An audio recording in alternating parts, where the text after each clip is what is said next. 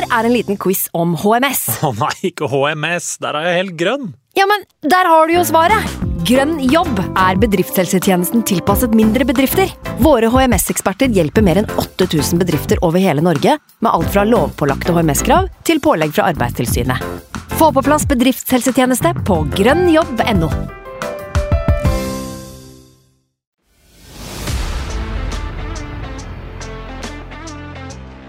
lose a duel, I'm upset. When I lose the small side game, I'm upset. Because that's the fucking standard.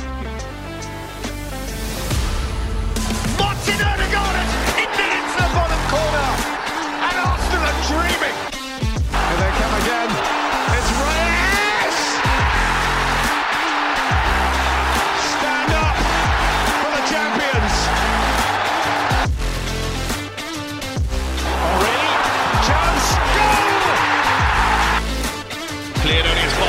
As has to get his shot right.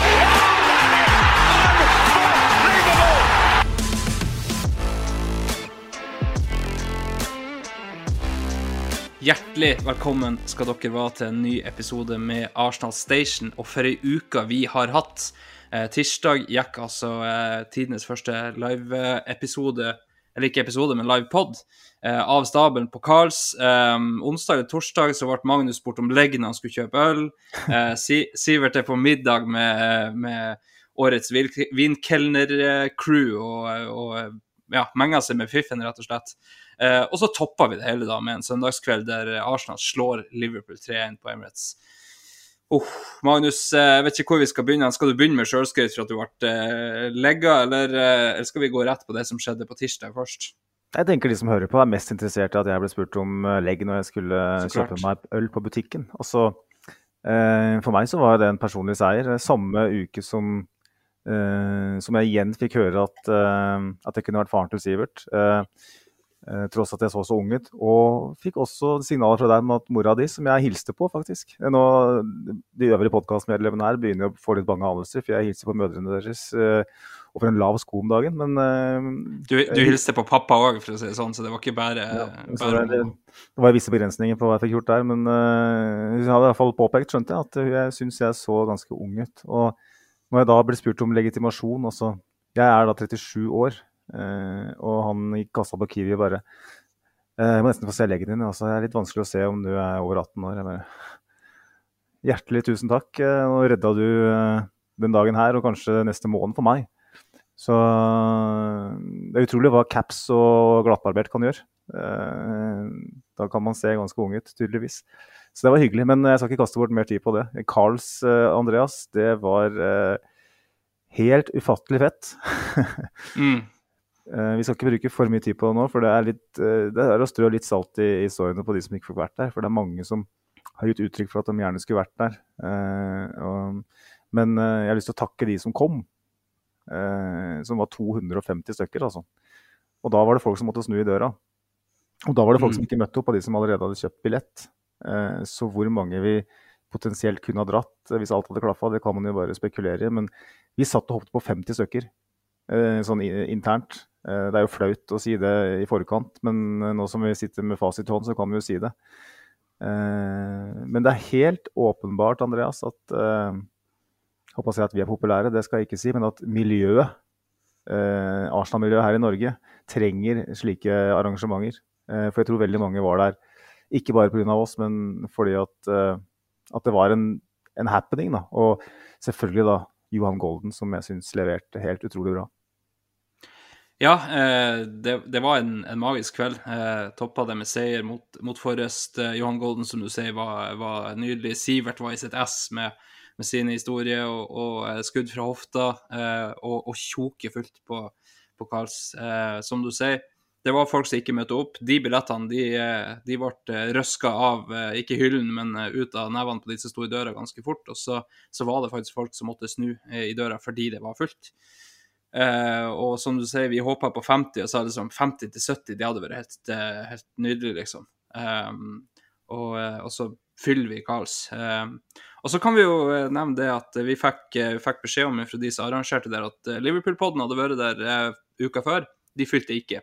Eh, så de er dårligere enn oss der òg, Magnus. Det, det, det, er godt å se. det, men det er, det er, mer overraskende enn at Arsenal er bedre enn Liverpool i dag. Eh, med tanke på Det er det så absolutt. Så, så, det er kanskje et signal om at i det miljøet så samles de litt oftere, kanskje, sånn, i et sånn formell samling. da. Ikke at jeg, dette er ikke for å uh, kritisere noen, men det er noe sånn at, det, at noen må ta initiativ. da. Og uh, det gjorde for så vidt Karls da, med å invitere oss. Mm. Og for et fantastisk sted det er. Det er vi fikk vel ganske klar beskjed om at vi er velkommen igjen hvis, uh, hvis anledningen byr seg. Sånn at de som ikke fikk muligheten den gangen her, det, det kommer sannsynligvis en ny mulighet. Og eh, de som var der, ga uttrykk for at det var eh, både en ålreit eh, livepod, men også ikke minst at det var et jævla fint samlingssted. Eh, fikk jo snakka med flere av de her folka som har sittet og kommentert på Twitter og Facebook til oss i flere år. da, Helt siden jeg, Simen, jeg og Simen starta for uh, tre og et halvt år siden. Eh, fikk bl.a. snakka med Kristoffer Gullberg, og han hadde en uh, morsom kommentar på lager uh, på Twitter nå i stad. Hvor han skriver at han håper ikke at jeg fikk noen jeger, jegermeisterflekker på den magiske Berkan-drakta mi. Jeg hadde jo på meg min hellige gral av fotballdrakter. 94-96 hjemmedrakt. Første Nike-drakta til Arsenal med ti Berkamp på ryggen. Den, den hentes sjeldnere frem enn 17. mai-dressen, for å si det sånn. Og Eh, jeg kan bekrefte at det ble ikke sørt og jeger, på den, Kristoffer. Selv om det kanskje bør beskrives som tilfeldigheter, Andreas. Eh, det ble, det ble, Vi hadde jo med oss William Gustafsson bl.a. Eh, en annen ivrig lytter som vi fikk lov til å hilse på. Veldig hyggelig. På byen, da. Hvor vi både spiste kebab og koste oss inn i det sene nattetimer. Så at den drakta er like fin, det er kanskje tilfeldig. Vet ikke, Andreas. Er det er det noe mer du ønsker å oppsummere fra, fra Carls? Vi trenger kanskje ikke å nevne dagen derpå, men uh, på hotellet der. Nei, eh, da var det veldig tydelig at du var eldre enn meg, i hvert fall. Uh, så trenger vi ikke å, å, nevne så veldig mye mer detaljer enn akkurat det. Men nei, det, det, var jo en helt nydelig kveld. Å få lov å sette ansikt på mange av de vi, vi bare ser Twitter-navnene til, det er veldig, veldig gøy. Å få så mye bra tilbakemelding på at showet var bra, og at vi er en fast del av hverdagen til folk. For det var ganske mange som kom bort til oss. Eh, det ble tatt selfies. Det ble liksom... liksom Det er jo helt sjukt. Det, det, altså, det, det er helt, eh, helt ellevilt for, for, to karer som vi må kunne kalle oss Tre, ja, tre, ja. Men, men Sivert liksom menga seg jo litt i, i fiffen, da. Men, men, vi to vi, vi, må kunne kalle oss relativt planta på jorda, Magnus. Sivert er for så vidt planta på jorda, han òg, men men når han er på, på vinkelnertreff, så tenker jeg han er i de øvre sjikter eh, av planter. men eh, nei, det, det, var en nydelig kveld, rett og slett. Og, og, vi fikk masse beskjed om at det her må vi gjøre igjen. Eh, både fra Karls og fra de som møtte opp. Um, og, eh, og, det er ikke tvil om at det, det blir flere ganger. Eh, det, for det, det, der var veldig gøy. Eh, reisen både nedover og oppover igjen ble relativt trøblete for min del. Alle har sikkert fått med seg at det har vært eh, friskt eh, her oppe i nord. Eh, så eh, det ble litt sånn sjokkjøring eh, natt til mandag fra Mo i Rana til Bodø, fordi at både tog og fly fra Mo i Rana var utelukket. så vi kjørte og kom oss over Saltfjellet i margin på en time eller noe sånt før det ble stengt. så det, det, var ikke langt unna at, at jeg måtte hive meg i bilen og kjøre hele veien nedover. Ja, du, du, du, skulle på Carl, så det sa jeg i showet at du hadde jo kapra et hundespann over Saltfjellet hvis det var det du måtte. uh, for jeg sa jo fra til at jeg, jeg, ser for meg at jeg må ta den rollen som ordstyrer nå, og du bare nei, nei, dette går bra, jeg kommer, jeg. Ja. Så det er, liksom, det er et døgn til uh, showet, det tar 20 timer å kjøre, og du sitter med is i magen. Jeg bare Dette går ikke. Men um, vi må begynne å snakke kamp, Andreas. Vi kan ikke snakke ti mm. minutter om, mm. om noe som uh, en Jeg vil ikke si en brøkdel av lytterne, for det er litt cocky, men en en, eh, en liten del av lytterskaren vår faktisk var på. Det var enda flere som ikke var der. så eh, jeg regner med å trykka på den 15-sekunders-knappen ganske mange ganger allerede. Men helt til slutt eh, bare si at vi har en utrolig kul fyr i miljøet som heter Johan Golden. At han tar mm. seg fri det tar seg tid da, til uh, å komme til oss uh, uten å kreve noe som helst for det. Uh, han var syk i tillegg, kunne jeg høre på Misjonen ja. på fredag. samme dag har han vært til legen og fått konstatert ikke, ikke korona, eller ikke covid-19, men koronavirus. altså en helt ufarlig variant som fantes lenge før covid-19. Men, men, han var syk og, og, kom på Karls, så det står det respekt av. Tusen takk, Ivan, hvis du hører på. Så uh, håper vi at vi kan gjøre det ene en gang. Uh, Andreas, kjære ordstyrer. Uh, du snakka mer enn meg i Oslo, mm. så nå kjenner jeg at jeg har mye på, på hjertet. Men Liverpool hjemme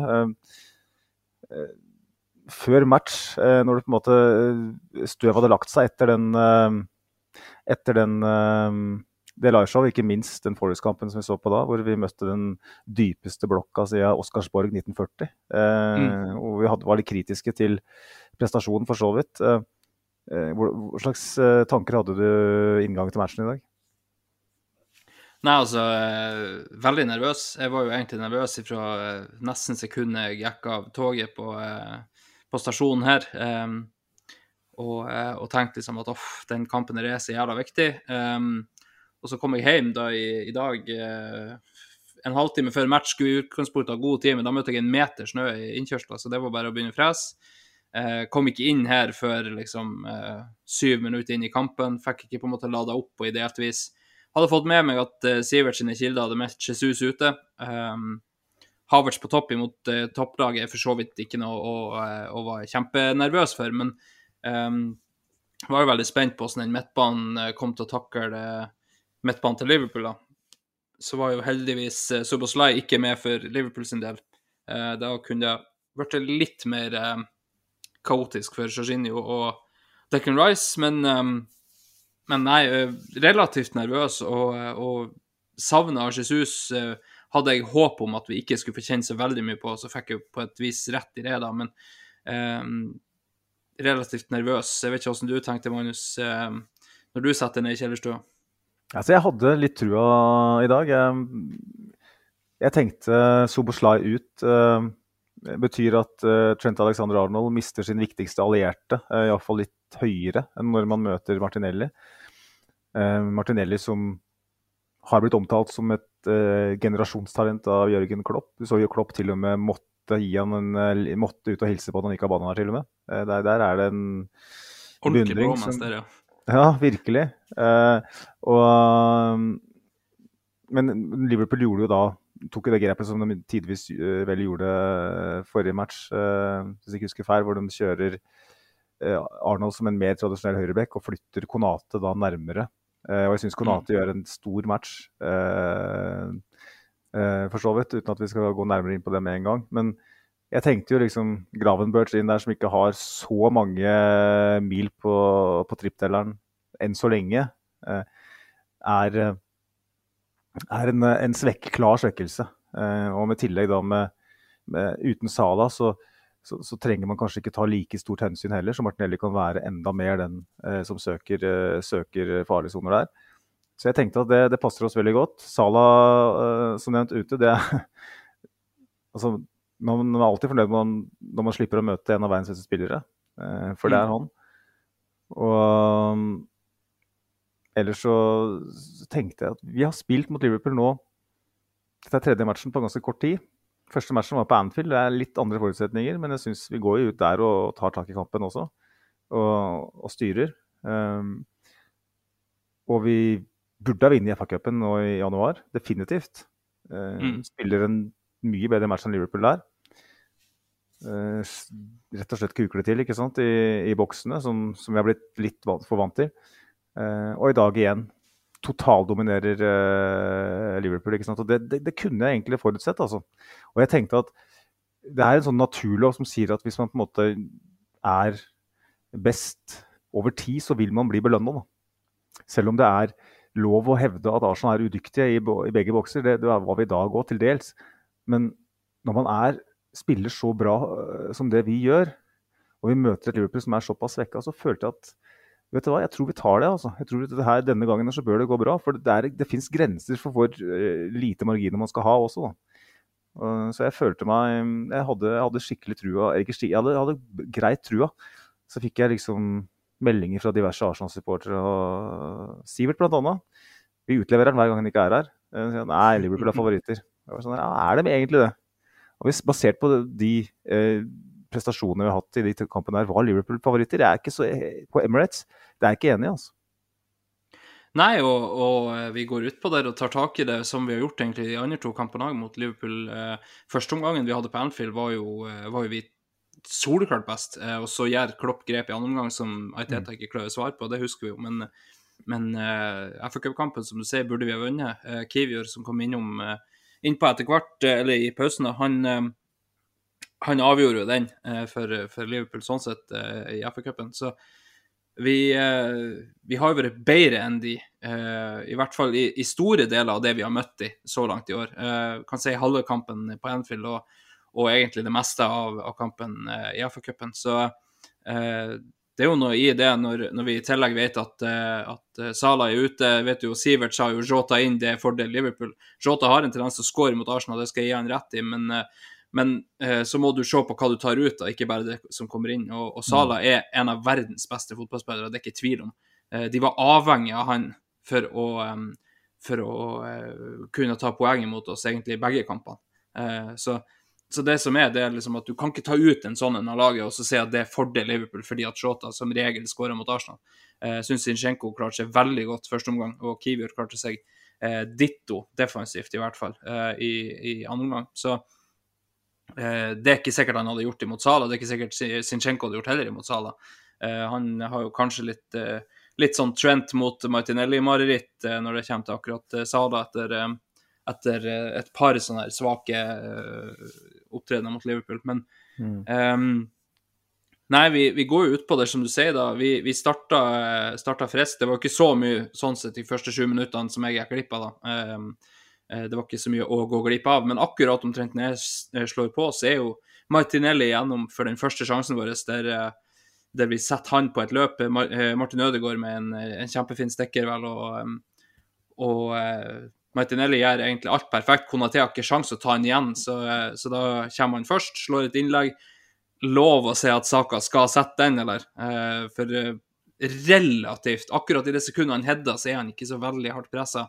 Eh, han er pressa før det, men, men å ikke få den imot mål engang, eh, på sånn helt OK eh, hodestøt eh, er jo litt skuffende fra en så god spiller. Eh, så kan kanskje ikke akkurat hodespillet det han skal være best på eller er mest kjent for. Jeg vet ikke hva du tenkte når du så den eh, bare forsvinne ut imot kast, nesten. Nei, altså Veldig små marginer i den situasjonen. da. Eh, Martinelli gjør jo alt rett og eh, viser jo at eh, med de vilkårene der, eh, når man slipper å bli dobla på hele tida, man får muligheter til å, å bruke farten sin og bruke evnen til å frakte ball i høy fart, så, så, så klarer han å prikke det innlegget òg, som er veldig godt slått. Det, det, det er ikke lett det i den farten der. Konate er jo i hæla på han. Eh, Mm. og Martinelli, litt sånn som jeg har kjent han nå de siste par, tre, fire månedene, må vi kunne si, tar jo gjerne eh, et, et stoppesteg, og så, prøver, Mm. og så eh, slipper han Konate inn, og så prøver han eh, å gå opp eh, utsiden igjen. Men her så var det ingen tvil. Her eh, skulle han parkeres, og det syns jeg var godt å se. Eh, det, det tyder på at Martinelli er litt på gang igjen. og Innlegget eh, bra, som sagt. Eh, små marginer, som sagt, i, i, i boksen der da. Eh, Gomez er såpass tett på saka lenge der at Mm. der kan det gå virkelig galt for Liverpool. Der kan han eh, si, få et, eh, David Louis-knep på han eh, José Sa, hvis vi husker den Wolverhampton-kampen. Ja. Og så er det rødt kort og straffetasjen Arsenal. Og så er kampen bortimot avgjort der. Men eh, jeg tror uh, Gomez, uh, uten at jeg har sett situasjonen så mange ganger i reprise, så tenker jeg at Gomez gjør vel for så vidt en god jobb der. At han slipper litt akkurat eh, der. Eh, han har allerede fått saka litt ut av balanse, men han sørger for at han ikke er på'n i det headinga går. For da kan jo Saka utnytte det og gå ned, ikke sant. Og så sitter man med en vareavgjørelse. Ikke sånn kjempekritisk til Saka. Jeg tenker det er en en god jobb av Gomez eh, der. Og det er klart, er man eh, Erling Braut Haaland eller eh, Robert Lewandowski der, så, så er man så sterk som man setter det med hodet. Men som du sier, Mm. dette er Jeg syns det er fett at han er der. For du ser da i noen minutter senere, så er han der igjen. Eh, Mm. Når vi er på kontring nummer to, og da blir det 1-0. Ja, det blir jo det. Det er Havert som blir spilt eh, veldig fint igjennom. Eh, jeg var usikker på om Saka var i offside akkurat på avslutningsøyeblikket, men det er han ikke. Det er ikke fordi han er bak eh, Havertz, det er fordi eh, eh, er det Konaté som sniker seg akkurat for langt inn i det eh, avslutninga går, sånn at eh, Saka er onside. Um, og, um, og Havertz ikke akkurat kjempelovende eh, at han eh, ikke setter den der, men vi vet at Alisson er en fantastisk keeper. Uh, og så detter den ned til Saka, Saka gjør ingen feil. Han, han setter returen på den. Uh, og eh, litt sånn eh, Men det har vi jo sett av van Dijk, uten å vite akkurat hvor han er akkurat der. Men, men han har jo en tendens til å ikke følge den farligste spilleren i sånne situasjoner. da. Blir veldig ball-watching. Det har vi sett de siste to sesongene spesielt. Eh, I hvert fall den her og, og forrige at eh, plutselig er det en som står alene, som aldri skal stå alene, og så finner du ut at oi, det var kanskje egentlig van Dijk sitt rom. Um, og så går det veldig fort, og, og i det hele tatt, men uh, i all hovedsak må man jo hylle um, evnen vår til å stå etter, evnen vår til å vinne ball høyt og ta muligheten. Uh, og, og Saka gjør ingen feil når han får en, en 100 sjanse der. Um, uh, ei heller Ja. hans vingmakker, som vi skal prate om uh, seinere. Um, Volum er alt, ikke da- sant? Volum er Ja, alt. så- Volum er alt det Sivert har sagt det, og, og Jeg har sagt sa det, og vi, har, vi var jo veldig enige om det, jeg og Sivert. Det er ikke alltid vi er enige, men da var vi så enige at vi tok en virtuell handshake der. Og, han er der ved begge anledninger. Ehm, han var der mot Fulham når ballen droppa fra himmelen og skåra et, et flaksemål, egentlig. Han var der mot Forest et par ganger og skåra ett. Saka er i ferd med å, å, å spille seg varm nå. Nå har han skåra tre på de siste fire eller noe sånt i ligaen. Ehm, han er på gang. Uh, han er der, eh, der ballen uh, er løs, for, for å si det litt sånn enkelt. Og, det er veldig godt nytt, fordi vi trenger at noen virkelig får opp målsnittet sitt. Og Saka er den som virker å, å, å ta det ansvaret per nå. Ja, så må vi òg nevne at Martinelli hadde to imot Palace, eh, så, eh, så han òg er jo på gang igjen, i tillegg til Ja, mål her. Vi snakka Um, om det, de, de to spesielt, da, som på en måte var Mm. eh, sammen med Ødegaard, da, som skåra såpass mye i fjor. Eh, de må melde seg på. Eh, Mm. Så nå venter vi bare på deg, Martin. Ja, det um, The balls in your court, videre. Nå er det faktisk bare å um, Ballen er på kjappen. Ja, den er faktisk det, altså. Uh, så, så det er bare å begynne å løsne. Han har jo en eh, mulighet, da, uh, Martin, der han, uh, der han spilles opp og får ballen egentlig i ganske fin posisjon, men blir blokkert. Um, så han, han var i nærheten av han i dag, han òg. Ellers ganske bra. Jeg syns han er litt for heit med ball. Han er jo veldig heit i presset, men han klarer på en måte kanskje ikke å roe ned hodet sitt nok når han får ball i dag, Martin. Han har et par som eh, sånne pasninger som ikke skal være sånn, på en måte. Han prøver å tvinge den gjennom tre Liverpool-spillere istedenfor å spille på overlappen til White, f.eks. Eh, så kanskje litt roligere, men får jo òg det gule kortet, vel. Eh, og, um, eller han er en av de få som ikke fikk. Det er jo typisk hvis jeg melder det. Det, Um, det husker jeg ikke om han fikk gult. Jeg tror ikke han fikk gult. Men Nei, uansett så er jeg kanskje- ikke nødvendigvis helt enig. Jeg syns um, Han var han som har ballen til Havertz der på uh, Mm. Og syns han er bedre, dag, bedre i dag enn på lenge, faktisk, uh, Ødegaard. Jeg syns han um, eh, kombinerer fint med Saka på høyresida, Mm. og som du sier, er en veldig viktig del av det presset som kveler Liverpool fullstendig. Eh, Så en komplett prestasjon egentlig av Ødegaard. Mangler bare Jeg er godt enig i at eh, noen ganger så kunne han kanskje trukket av i, der, med, Mm. både med venstre og høyre. Men han, han resirkulerer ballen, han sørger for at Arsenal står høyt. og Mm. eh, En av de bedre kampene til Ødegaard den, den sesongen her. Han kommer i skyggen av et par andre midtbanespillere, men eh, who Ja. cares, på en måte. Eh, det, her er ikke noen contest om å få man of the match. Uh, I så fall så er Saliba den eneste som ikke er i nærheten, men det kan vi ta en prat om senere. Så Ja, omtrent den Um, eneste som ikke legger inn søknad, nesten. Uh, Det, men det, det skal vi inn på, som du sier. Eh, Et par andre som vi må dra frem i den første omgangen spesielt, da. Uh, Sinchenko har jeg allerede nevnt, for så vidt. Men Uh, backmackeren hans da, på, på andre sida wow. eh, Altså, når han slår tunnel på McAllister der Skal vi ta Eh, noen lytterinnspill på det, eller bare fortsett, jeg så skal jeg lete fram. tror vi Eh, gjør det, altså, for han har et par sånne syke både hælflikker, vendinger, går innover i banen, og så har han den da på McAllister som kommer rusende i, og så bare tupper den imellom eh, føttene på han. Altså, Ben White i den første omgangen hadde så sjøltillit at det, det er ikke tvil om at han har vært småskada tidligere, i hvert fall, for, eh, og nå er ganske pain-free etter den Dubai-turen. Eh, han trengte bare å få brunfargen sin igjen, men så, så var Ben White tilbake. Um, vi, vi, må faktisk bare kjøre, kjøpe et solarium til Ben White, sånn at han holder seg jevnt brun. For da, da, er han i form, altså. Det um, er ikke tvil om. Jeg hadde en kompis som hadde solarium i stua for en del år siden. Eh, og så var det noen som fortalte det at eh, ikke bare er det kreftframkallende, men når du passerer 40, så kommer du til å se ut som en soltørka tomat. Så det, mm. da slutta han med det. Men eh, Fredrik Heierstad skriver eh, eh, synes virkelig Benny Blanco uh, skiller seg ut i dag. Uh, setter ikke en fot feil og bunnsolid defensivt. Og det, det, er viktig for at han, han er litt sånn flashy i dag, Ben White. Altså, han har vel er det to tunneler han har? Eh, mm. han, han, han, har to-tre sånne tekniske finesser som er eh, som, som, han husker, liksom. Eh, som er eh, spektakulære, for så vidt, fra en høyre bekk. Og, og, det er ikke det at uh, han gjør ikke det for å uh, flashe tatoveringer og brunfarge. Han gjør det for å, at det var på en måte det mest effektive måten å få med seg ballen fremover på. Så spiller han på høy risiko, ja, men helt tydelig at han er in the groove, da. For, at, mm. uh, for en måned siden så hadde han, han hadde sannsynligvis ikke rekket opp i situasjonen engang. Uh, om han hadde gjort det, så hadde han prøvd å slå den i støtet til Saliba.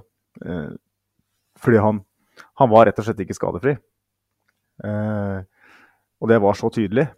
Det fikk vi jo også mm. ganske gode rapporter på fra diverse medier, så vi trenger ikke å drive og jazze så mye rundt det, egentlig. Det var en helt utrolig Han var jo god mot Forest òg. Mm. Ben, ben, White, som er en så viktig spiller for oss, tross alt, eh, spesielt med den back-krisen vi har. Så utrolig viktig at han nå virkelig melder seg på. Og det her var uh, det grensa til man of the match. I første gang syns jeg nesten var best. Ja, absolutt. Uh, og, og, ja, han spiller på risiko, men det er du nødt til å gjøre for å spille det presset til, til Liverpool. Mm. Det er det ene lille øyeblikket med genialitet som gjør at du er igjennom.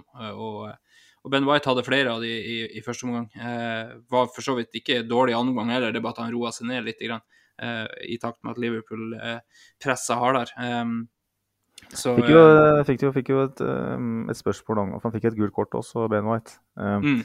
Og trygdeturer, da, som jeg også fikk hilse på på Carls uh, hei, Silje. Ja. Det var veldig hyggelig å endelig få slått av en prat på meg face to face. Hun skriver at på tide med en litt annen type fysikktrening på London Colony for Benny Boy, av typen tid. Blir matt av tidsbruken på dødballer og kast unødvendige gule kort, som til slutt resulterer i suspensjon av potensielt. Eh, vi kan jo ta det. Eh, ja, vi får to for drøy tid i dag. Saliba får vel òg for det? Ja, på slutten, ja. Stemmer det. Uh, og uh, Ben White uh, brukte jo helt latterlig lang tid på de to første innkastene sine, var det vel. Mm. Men samtidig så føler jeg at når han, når han, først får det gule, så er det fordi at Taylor på en måte, har han gitt en advarsel, så han føler at han må på en måte vise at han er mm. sjefen her. For at mm. han, han, skulle aldri fått gult for den situasjonen han var i, for han brukte ikke, noe, han brukte ikke lang tid. Det er et frispark. Man bruker jo åpenbart litt tid, for han må flytte laget frem, og må komme i posisjon. Han, jeg forstår ikke hvorfor han fikk det der. Det er en dommer som Eh, jeg syns den situasjonen eh, blir litt for opptatt av, eh, av sin egen røde tråd, da, for å kalle det det. Det er, mm. det er greit at, at, han får det gule sånn isolert sett, men da må man vente til at man igjen er i en situasjon der han bruker lang tid. Da. Det syns jeg var helt tullete at han fikk det der. Ja, og det, det, blir jo litt på samme linje som Tomiyasu som fikk det når det var første gang han bruker lang tid. Eh, men alle de andre hadde drevet tid. Eh, så det, det, er litt sånn eh, ja, kjipt det der, men jeg er jo helt enig med, med Silje her, som jeg òg fikk hilse på på Karls, at det, det, er så dumme gule kort å få. Saliba sitt er liksom på en måte sånn som du kan på en måte ta med glede når det er kort tid igjen når vi leder mot Liverpool og, og sånne ting. Men det her er i første omgang, liksom. det, det er liksom så jævla dumt å skal begynne å dra ut tid der. Men jeg er helt enig med deg at akkurat den situasjonen var ikke den som på en måte gjorde det ille. Men, men de to kastene var jo ekstremt hvor lang tid han bruker. Mm. Eh, og da vet du, når du, får, når du får den på en måte tilsnakken etter det siste kastet der, så vet du at OK, kanskje jeg burde rushe litt grann, uh, i neste situasjon, i hvert fall. For du kan ikke på en måte ta det i situasjonen etter at, at dommeren føler at du bruker for lang tid, for da, da har han det så friskt i minnet. Men Mm. ja, uansett. Uh, ben White har jo Vi har jo sett han i, i kamper før der han får det gule, og så gir han egentlig fullstendig flatt F i det. Og fortsetter å være like heit inn i dueller i det hele tatt. Men jeg syns han, eh, han fullfører kampen på eksemplarisk vis. Um, som du sier, vi har en backkrise. Det var når, eh, når Sinchenko går av i pausen og Kivior kommer på, så er det bare Cedric vi har igjen. Eh, og, og da er vi liksom der eh, det, Altså, det, det er guds lykke at japanere rykker ut i dag eh, i, i Asiamesterskapet, for da har vi Tomiyasu tilbake relativt snart. Så er jo han skada gjennom et par uker, men det får jo sove. Eh, men eh, vi, vi trenger han tilbake nå. Det, for det, Cedric skal ikke være i nærheten av å komme innpå, og jeg tror ikke han var i nærheten heller i dag. Men, men hvis det skjer at, eh, at vi får en skade der, så vi får håpe at, at det har vært mer nærliggende for Arteta å flytte Declan Rice bak oss og sette uh, El Neni inn, eh, som òg satt på benken i dag. Um, Det er jo ganske sykt at det er fem, det er fem Cedric er femtevalg vårt på høyrebekk. Eh, Mm. Du har eh, Ben White, Timber, Party, eh, Tomiyasu og så Cedric. Og vi er på en måte bare en liten kjenning eh, på Mm. Ben White unna at femtevalget vårt eh, spiller. Så vi er eh, relativt pressa der, altså. Og Ja. hvis Ben White hadde vært relativt den eh, Ja. ja, bare fortsett. Nei, altså han hadde vært i den tilstanden han var eh, før eh, Dubai-pausen. Så, Mm. så hadde man sittet med hjertet her sånn her, skikkelig. Eh, Cedric er en spiller som sånn, For et utrent øye, eller et, ikke bare et utrent øye, men for en som kanskje bare ser på kampen med et halvt øye, kan i perioder fremstå som en ganske OK back, for han gjør sånne klassiske back-ting ganske bra. Han eh, Mm. kommer på overlappen, han slår gode innlegg, og han eh, er teknisk ganske ålreit har relativt god fre frekvens i spillet sitt. Men hvis man liksom dyp, dypper igjen Jeg sier alltid dypper i materien. Det er, det er noe annet. Det er noe man gjør for lite av, kanskje. Men man dykker dypere i materien. Eh, Så ser man jo at Cedric er en spiller som drar med seg medspillerne sin ut av posisjon. For de må inn og, og covre der han eh, etterlater rom eh, feilaktig. Og Det er jo problemet hans. ikke sant? Det er, det, det er fotballforståelsen i et, et sånt system som Arsenal spiller, som er problemet. Mm. Det er ikke fysikken eller teknikken, eller noe sånt, for det, er det faktisk. Eh, så vi eh, Å sette inn en sånn spiller mot Liverpool når kampen står og vipper, det er nesten tilnærma det samme som å tape matchen. For Liverpool er så ekstreme til å utnytte sånne, sånne defekter i et lag. Da. Så her, eh, her håper jeg virkelig at Tomiyasu er straks tilbake. For han ganes her med nummer fem han har jeg totalt gitt opp, så det, det gidder jeg ikke å snakke om. Ja, eh, og det var det jeg skulle inn på her i stad når jeg avbrøt deg, at eh, det er jo relativt eh, lite eh, ja, Både lite overraskende, men òg lite tillitsvekkende at eh, Thomas Party var relativt nært å komme tilbake igjen. Og de hadde egentlig sett seg ut Liverpool-kampen som en kamp han skulle på benken. Eh, og så er det en ny sånn setback han hadde. Og jeg, er så lei av å lese der. Uh, Aiteta on the press conference, he felt something. For faen så mange vi har ut av de nå. He felt something in his knee, he felt something in his calf. Eh, Thomas Party, he felt something in, in the same area. Det er sånn her Ja, OK, så Thomas Party er ute resten av sesongen, basically. For nå kommer det jo til å ta en måned til før vi får han tilbake, og så får vi én kamp, og så er han ute igjen. Eh, jeg, var, jeg var relativt positiv til å få han tilbake igjen nå, og tenke liksom OK, kanskje han kan bidra i innspurten, og så er det samme greia igjen, liksom. Eh, Nei, eh, jeg òg er relativt ferdig med Thomas Party nå. Um, han han Men, har ja. vist på en måte at eh, vi, vi kan bli avhengig av han, men han er ikke pålitelig nok. Nei, og det, den, den praten skal vi ikke ta, men Nei. eh, det er jo det er jo kanskje greit å komme seg inn på kampsporet igjen. Eh, Det er jo Ja. tross alt en gledens dag der, Andreas. En gledens uke. Både Carls Ja. og 18-års uh, utseende, eller 17-års utseende og alt som er, for min del. Så uh, da jo, så jo ting veldig bra ut. Vi skal ta noen tall og sånn etter hvert på sånn totalt sett for, for matchen, men vi kan jo bare ta med oss det som skjedde i slutten av første omgang. Da. Det var jo Mm.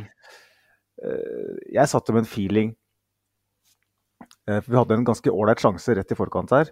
Hvor Jorginho, som spilte en stor match, slår eh, et, et godt angrep i forkant der òg, men Jorginho slår inn eh, på Martinelli i boksen der.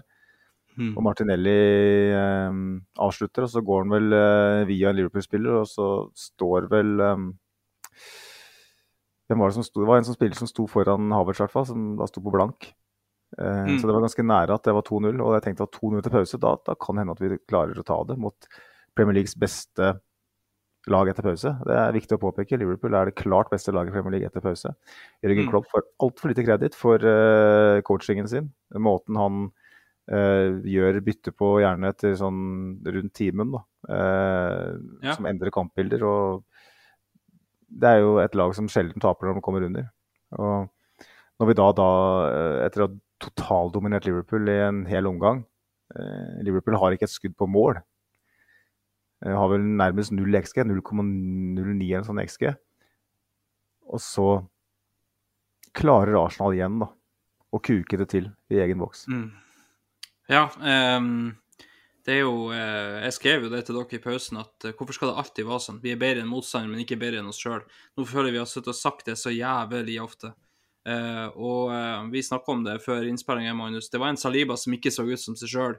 hadde rare pasninger, hadde tapte kroppsdueller og rusa ut og solgte seg et par ganger. Altså det, det var ikke en Saliba som så komfortabel ut. Og, eh, og i den situasjonen der, med sekunder igjen på klokka, og får egentlig ballen perfekt framfor seg til å bare måle den unna, liksom. Mek den langt faen i, i vold. Eh, og så finner han ut at nei, her skal vi sikre til Raja. En, en sånn her teoretisk sett OK tanke, men da må du være sikker på at keeperen er med på det.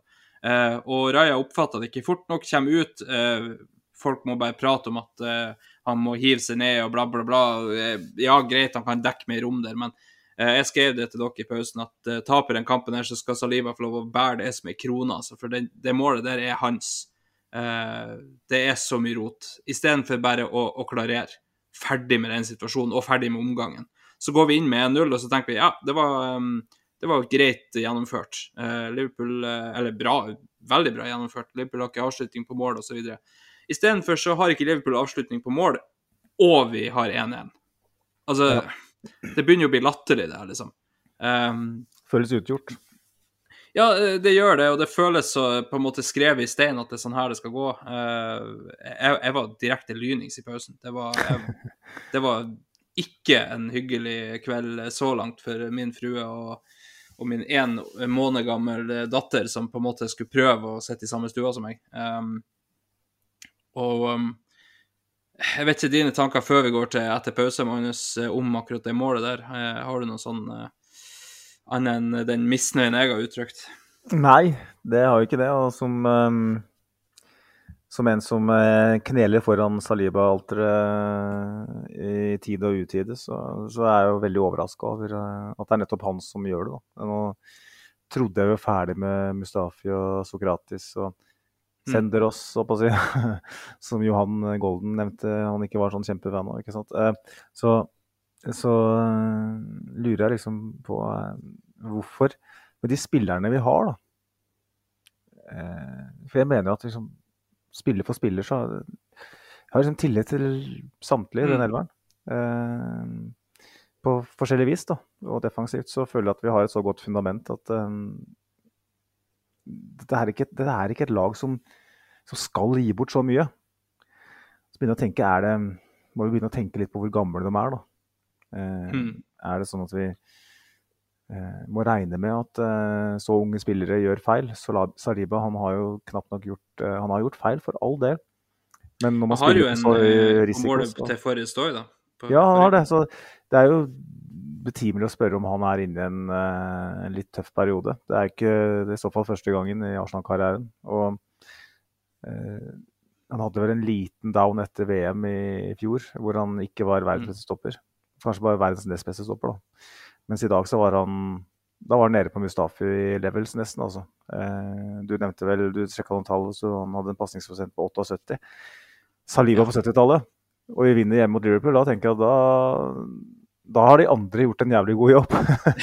ja. Eh, fordi at det, det er ikke normalt. Eh, Jeg begynner å lure på er han sjuk, eller hva er det for noe. For det, Mm. jeg så det allerede etter fem minutter. Eh, Jeg husker ikke helt hvilke minutt det var, da, men sånn, det var tidlig i matchen hvor han nøla veldig og slo ballen rett i en Liverpool-spiller. Og så var han heldig med at den da gikk rett i beina på Gabriel eller Bite eller hvem det var. Mm. Så det ble ikke noe av det, men det var sånn jøss. Yes. Normalt sett så slår han det der uh, gjennom første pressledd. Det hender seg å tråkke ned på ball, uh, for all del, men det er veldig kalkulert. I dag så var det balltråkking ukalkulert. Det var balltråkking mm. fordi han var usikker. Han så usikker ut. Og um, at, at, det var sånn, sånn, sett ikke tilfeldig at det var han i dag. Jeg synes han, eh, Som du sier, pasningsprosenten sier jo sitt.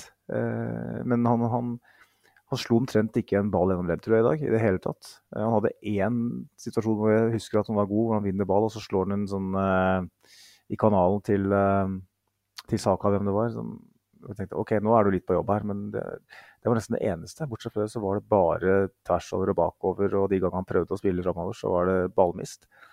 Så, um, og hva han driver med der, det, det kan, man jo, kan, man jo, lure på. Eh, jeg er helt enig med at eh, det er på hans kappe, og når keeperen ikke kommer der, han har jo litt tid på seg, da må ja. han måke. Jeg tenker OK, gi det ett sekund, da. Altså, det er lett for oss å si. For det her mm. er åpenbart Jo da, og, og han, han, er hardt pressa, det er ikke det, ja. men, eh, men, ja. Men det var liksom sånn at OK, nå Raja er et stykke unna her, liksom. Mm. Nå må du bare Jeg skjønner at Det er litt sånn Zinchenko ville gjort, ikke sant.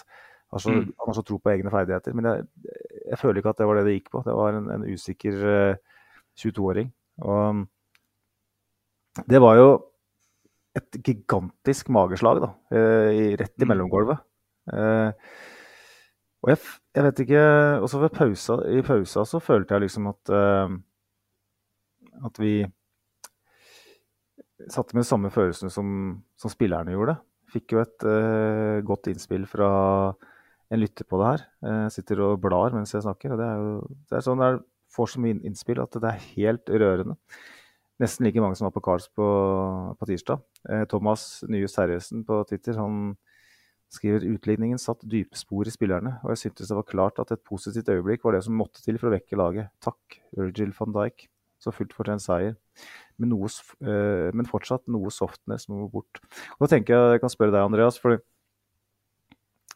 Spillerne er jo åpenbart også prega av at, at, det er en tendens til at vi ikke klarer å utnytte når vi er bedre enn et annet lag. Og spesielt da når man møter et så godt lag. Eh,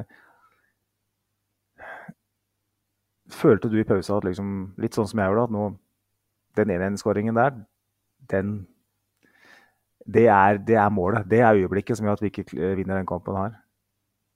Jeg var stygt redd for det. Eh, det er liksom sånn, Vi har, vi har sagt eh, i tidligere kamper mot, mot toppmotstand, altså sånn som mot City når vi var best eh, første nyttårsdag, vel, for et par sesonger siden, der vi liksom ja, Vi var bedre enn City, men de er så dødelig effektive. Mm. Men her er jo ikke Liverpool effektiv engang. Her er det bare vi som roter det til. Og det må sitte veldig dypt når du går inn i, i, pausen med akkurat det. Så får vi da beskjed om, eller de får beskjed om at Zinchenko skal ikke utpå. Eh, regner bare med at det er skade. Jeg har ikke sett noe, eh, sett noe på det fra Eteta.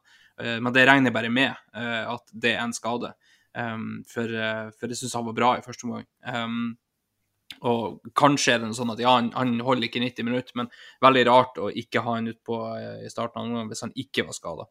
Um, da er det Kiwier ut, og så vet vi at da mister vi en av våre viktige, eh, viktigste ballsentraler. Jorginho er enorm på det i, i andre omgang. Um, Declan Rice for så vidt det samme, det viser tallene. Uh, synes jo at Saliba han må jo gi et beskjed til de andre at i dag føler de ikke bra, for han har ti færre pasninger enn sin makker på, på stoppeplass. Mm, det, det, det, er ikke ofte. Um, og har veldig mye mindre enn de som er hakket framfor seg. Det er heller ikke så ofte. Uh, så, så, han må gi et beskjed om at i dag er ikke jeg i form. Uh, et eller annet er det. Og, og når vi da liksom kunne sette og se på det, eh, at Zinchenko går av, kan legge det i hopen med det vi vet om laget fra før, og det vi vet om Liverpool, ikke minst, måten de har avslutta kamper på, så var jeg stygt redd for at det her, det her kan bli overkjøring i andre omgang. Hvis vi kommer ut og føler oss skikkelig nedpå og Liverpool gjør en taktisk endring som vi har sett Klopp gjøre tidligere, og, og vi ikke klarer svar. Eh, og så ser du på benken og så ja, mm, ikke det vi har å sette innpå for å endre et kampbilde. Så Sar veldig bra i dag, og, og mot Forrest i det hele tatt. altså det en god spiller. Uh, Emil Smith-Roe OK pluss imot Forrest, men ikke noe særlig mer enn det. Eh, det er ikke spillere som du tenker mot Liverpool skal snu det, liksom. Eh, hvis, hvis de virkelig kjører. For vi hadde ingenting å sette på på midten for å liksom snu midtbanekampen, hvis, hvis den endra seg. Um, så eh, da måtte du ha kjørt Rosar opp og så Havertz bak, men still. Eh, så nei, jeg var, jeg var stygt redd for at det her kunne bli veldig stygt i, i andre omgang, og det så jo sånn ut fra start av Magnus. Eh, De kommer ut, Liverpool, og tar tak i kampen Uh, uten å skape noen sånn enorme farligheter, det må vi jo si. Uh, men uh, det så jo ut som på en måte det her skulle være samme gamle. Eh, Jeg vet ikke hvilke tanker du satt med de første 15 i andre omgang. Nei, jeg er jo litt enige med, med lytterinnspill her, da. Um, det er litt softness å bli så prega av det. For at Mm. eh, man går inn i garderoben med en bitter følelse. Faen heller, liksom. Her er vi så mye bedre enn serielederen. Og så ja, De har ikke et skudd på mål engang, og så er det 1-1. Hadde det vært 0-0, så hadde det vært en annen ting. ikke sant? For at jeg tenkte at ok, Mhm. det er litt sånn som vi snakka om mot, uh, mot Forest, at uh, det blir som en, uh, en, en ulv som står og blåser på et sånt høyhus, ikke sant. På et eller annet tidspunkt så, så, så velter det, og det gjorde det mot Forest. Og, men på 1-1, så man har fått ledelsen ikke sant, mot et så godt lag som Liverpool. og så så jeg forstår at det, er, at det er en liten knekk. Men det er litt soft å bli så prega av det når man er profesjonell fotballspiller. Man må jo ta med seg sjøltilliten fra prestasjon også. Og jeg Mm. syns vi jeg syns vi bærer veldig preg av det uh, i starten av andre omgang. Uh, Liverpool går ut og, og, og dominerer og styrer. Jeg venter egentlig bare på at de skal få den skåringa. Det dette her er sånn muscle memory-greie. Dette Et brent barn osv. Eh, Det er liksom det som alltid skjer. Så, eh, og i Liverpool-sammenheng så er det alltid det som skjer også. De er best i andre omgang. Og hvis du ikke dreper dem i første omgang, så er du som regel i trøbbel. Mm. Eh, Men jeg er litt skuffa over, eh, over det. Eh, Og som eh, litt eh, Thomas eh, vel eh, sier, så eh, trenger vi på en måte et, et øyeblikk eh, of madness, på et vis, eh, for å snu kampen igjen. Så kan vi selvfølgelig snakke om at måten vi da eh, bruker det, bruker den energien vi får fra 2-1 til å, å, å styre kampen og, og vinne fortjent, det er jo også imponerende. Da. Så, Mm. um, da får vi 2-1, og da er man på en måte tilbake i samme situasjon. Da. Og vi har jo en, eh, et, eh, et innspill til på Twitter fra Christian H. Håkons1. Håkonsen blir det. Ja, i hvert fall sannsynligvis. Nå blir det som han derre TV 2-journalisten, nei, TV 2-programlederen som skulle eh, leste fra manus eh, når det var et eller annet med hun derre Ellen, Ellen Degernes, ja. Er? Ellen Degernes, ja. Eh, men han skriver i hvert fall eh, Er det noe som skjer med oss hver gang vi spiller disse kampene? Vi totaldominerer alt, går ut i himmel og helvete, og så scorer vi. Da virker det som det skjer noe. Jeg mister litt taket på det, intensiteten går ned. Føler dette har skjedd mange, skjedd mange, mange ganger. Um, føler, føler du at det er Nå, nå snakka vi egentlig om hva som skjedde etter 1-1 her, men um, kunne vi gjort mer for å få 2-0 i første gang, eller føler du at det her var mer enn et steg i riktig retning, da? Ja, altså, det, er jo, det er jo den balansegangen da, som er nesten umulig mot sånne lag som Liverpool for, for um, Arteta og coach. Fordi at um, vi vet jo det at vi kan ikke kjøre 100% i 45 minutter og forvente at vi skal ha mer å kjøre med i andre omgang. Eh, og når vi vet hvor god Liverpool er i andre omgang, så burde vi jo kvele de og, og avgjøre det, det. Jeg er enig i det, men hva skjer hvis du fortsetter å kjøre da, og åpner deg for rom mot Liverpool. Og så er det den balansegangen. Hvor lavt skal vi slippe oss? Hvor, hvor mye skal vi tørre press? Um, vi viser jo for så vidt uh, flere ganger i første omgang før vi får 1-1 imot, at, um, at uh, det var en OK plan. For vi er flere ganger så vi er farlig frampå fordi vi bryter når Liverpool kjører hardt oppover.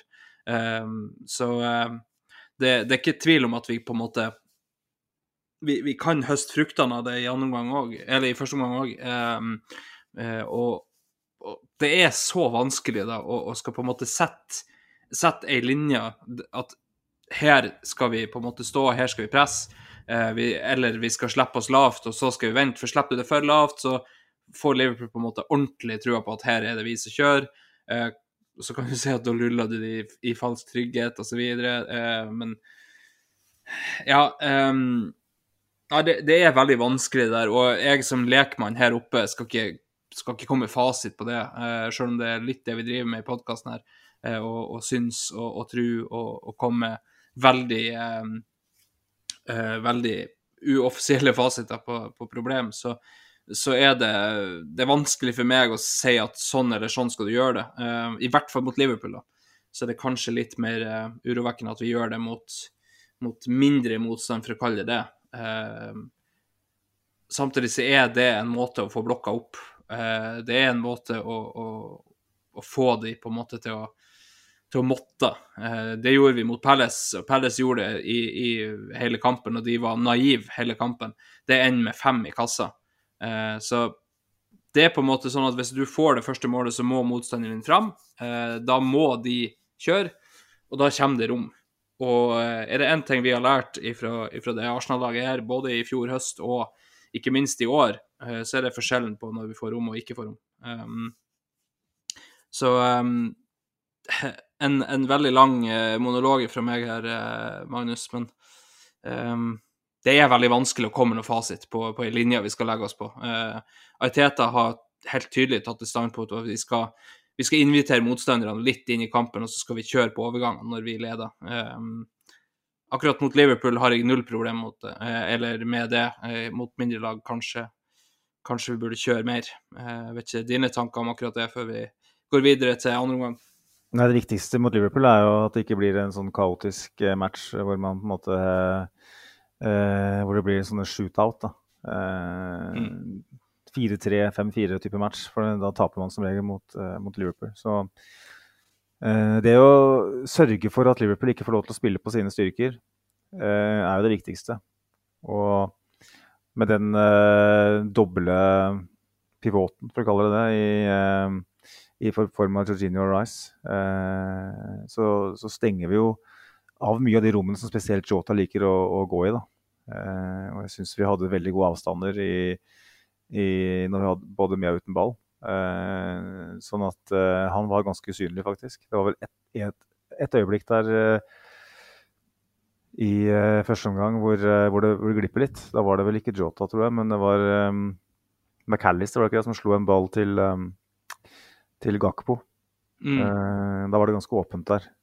Utover det så var det ganske sjelden, spesielt i første omgang, hvor, hvor Liverpool fikk spilt opp uh, på den måten. Så en god vurdering, uh, i den grad det var en vurdering, da. Um, og Arsenal er god i omstilling også.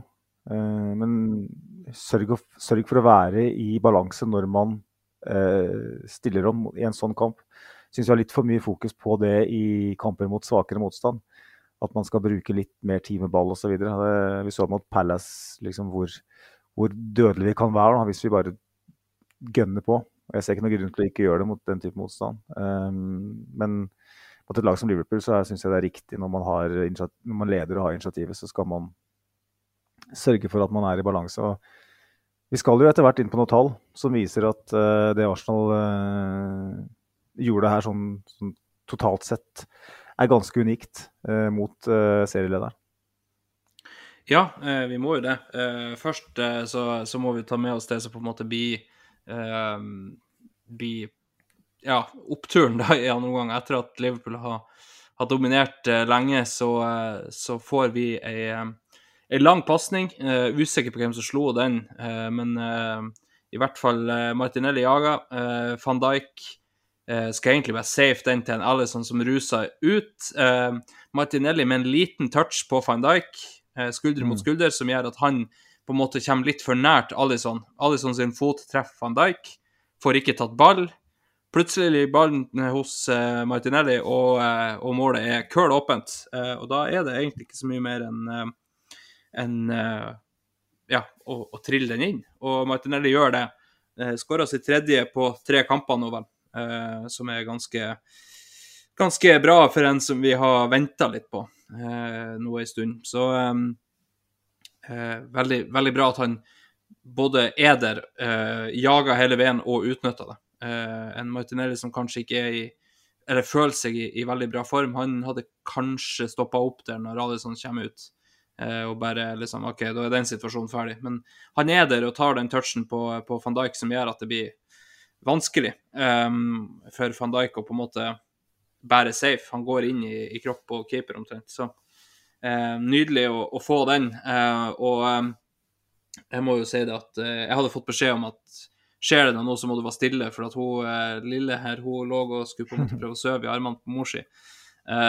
Og, og, da ble det en sånn kloppvariant, egentlig. Da ble det opp på, på føttene og så knyttneven en fire-fem ganger opp i, i lufta. Uh, det var ikke noe det var ikke noe Anfield som svara meg med et hei hver gang jeg liksom kjørte opp knyttneven, men jeg uh, følte ikke at jeg trengte det akkurat der og da. Det var, det var deilig. Um, vet ikke dine tanker der, Magnus, før vi går videre til, til belgieren som har som vane å skåre mot Liverpool? Nei, Det er interessant hvordan vi bruker, bruker energien fra den skåringen til å ta tak i koppen igjen. Um, um, syns midtbanen vår uh, gjenerobrer uh, kontroll. Uh, vi har jo fått masse lytterinnspill på, på det. Jeg vet ikke om jeg skal ta så mange av dem, men det var jo en Declan Rice som får Man of the Match, tror jeg. Jeg vet ikke, det er Jeg lurer på om Georginio fikk den. OK. uansett. Um, William Gustavsson skriver Gud bedre hvor bra Georgino var i dag. Eh, Summer Rice. Denne midtbaneduen må vi vel se mer, eh, res, mer av resten av sesongen. Eh, det er jo en, en liten sånn Kall det en sånn kompromiss fra Arteta der, da. Jeg må gå litt bort fra den derre Kall det vante formasjonen med én dyp og to som, som går høyere. 200-løpere. Uh, Fredrik Oppegård skriver også de fantastiske pasningene til Georginio må nevnes. Lekent. Uh, vi kan jo skru klokka tilbake til uh, januar for litt over et år siden, hvor Arsenal gikk for gull. Edu Gaspar kasta på kull. det var ikke, en, det var ikke et rim jeg hadde sett for meg. men prøvde seg på Mudrik, så står eh, vår alles kjære Todd eh, Bowley og slår seg hardt og selvsikkert på fuglebrystet sitt og sier at nei, vi skal faen ikke gi dere noe som helst. Vi skal kapre hver eneste deal som er, og hente Mudrik da til overpris. Eh, og måten eh, Edu og Arteta og co. responderer på da, er jo da ansett kanskje som litt sånn mellomløsninger. Man, man går for en Jorginho som er eh, aldrende i, i Iallfall i den forstand at han kommer inn i den troppen her. Eh, en Trossard som var litt på kamp med Di Serbi i, i, Brighton, og som heller ikke er noen uh, unghoppe. Og så selvfølgelig Kivior, da, som er litt mer sånn uh, uh, Kall det sånn derre pønt, da, for å, å prøve å, å, se om det her er noe vi kan utvikle til noe bedre. Men sånn Tanken da var jo at man skal prøve å vinne Premier League. Man hva skal jeg si, ja, han, han, gikk litt utover det man normalt sett gjør. Og satsa friskere enn det man er vant til å se. Eh, tok en sjanse, rett og slett. Eh, og lyktes ikke, for så vidt, for man vant ikke Premier League. Men ett år senere så sitter vi her i gullkampen igjen fordi at vi henta de spillere her. mm. Som jeg syns er litt deilig, da, for dette viser at det kanskje var litt, litt mer langsiktig tankegang. Eller iallfall så var det spillere som eh, man så for seg at kunne bidra utover den, de seks månedene.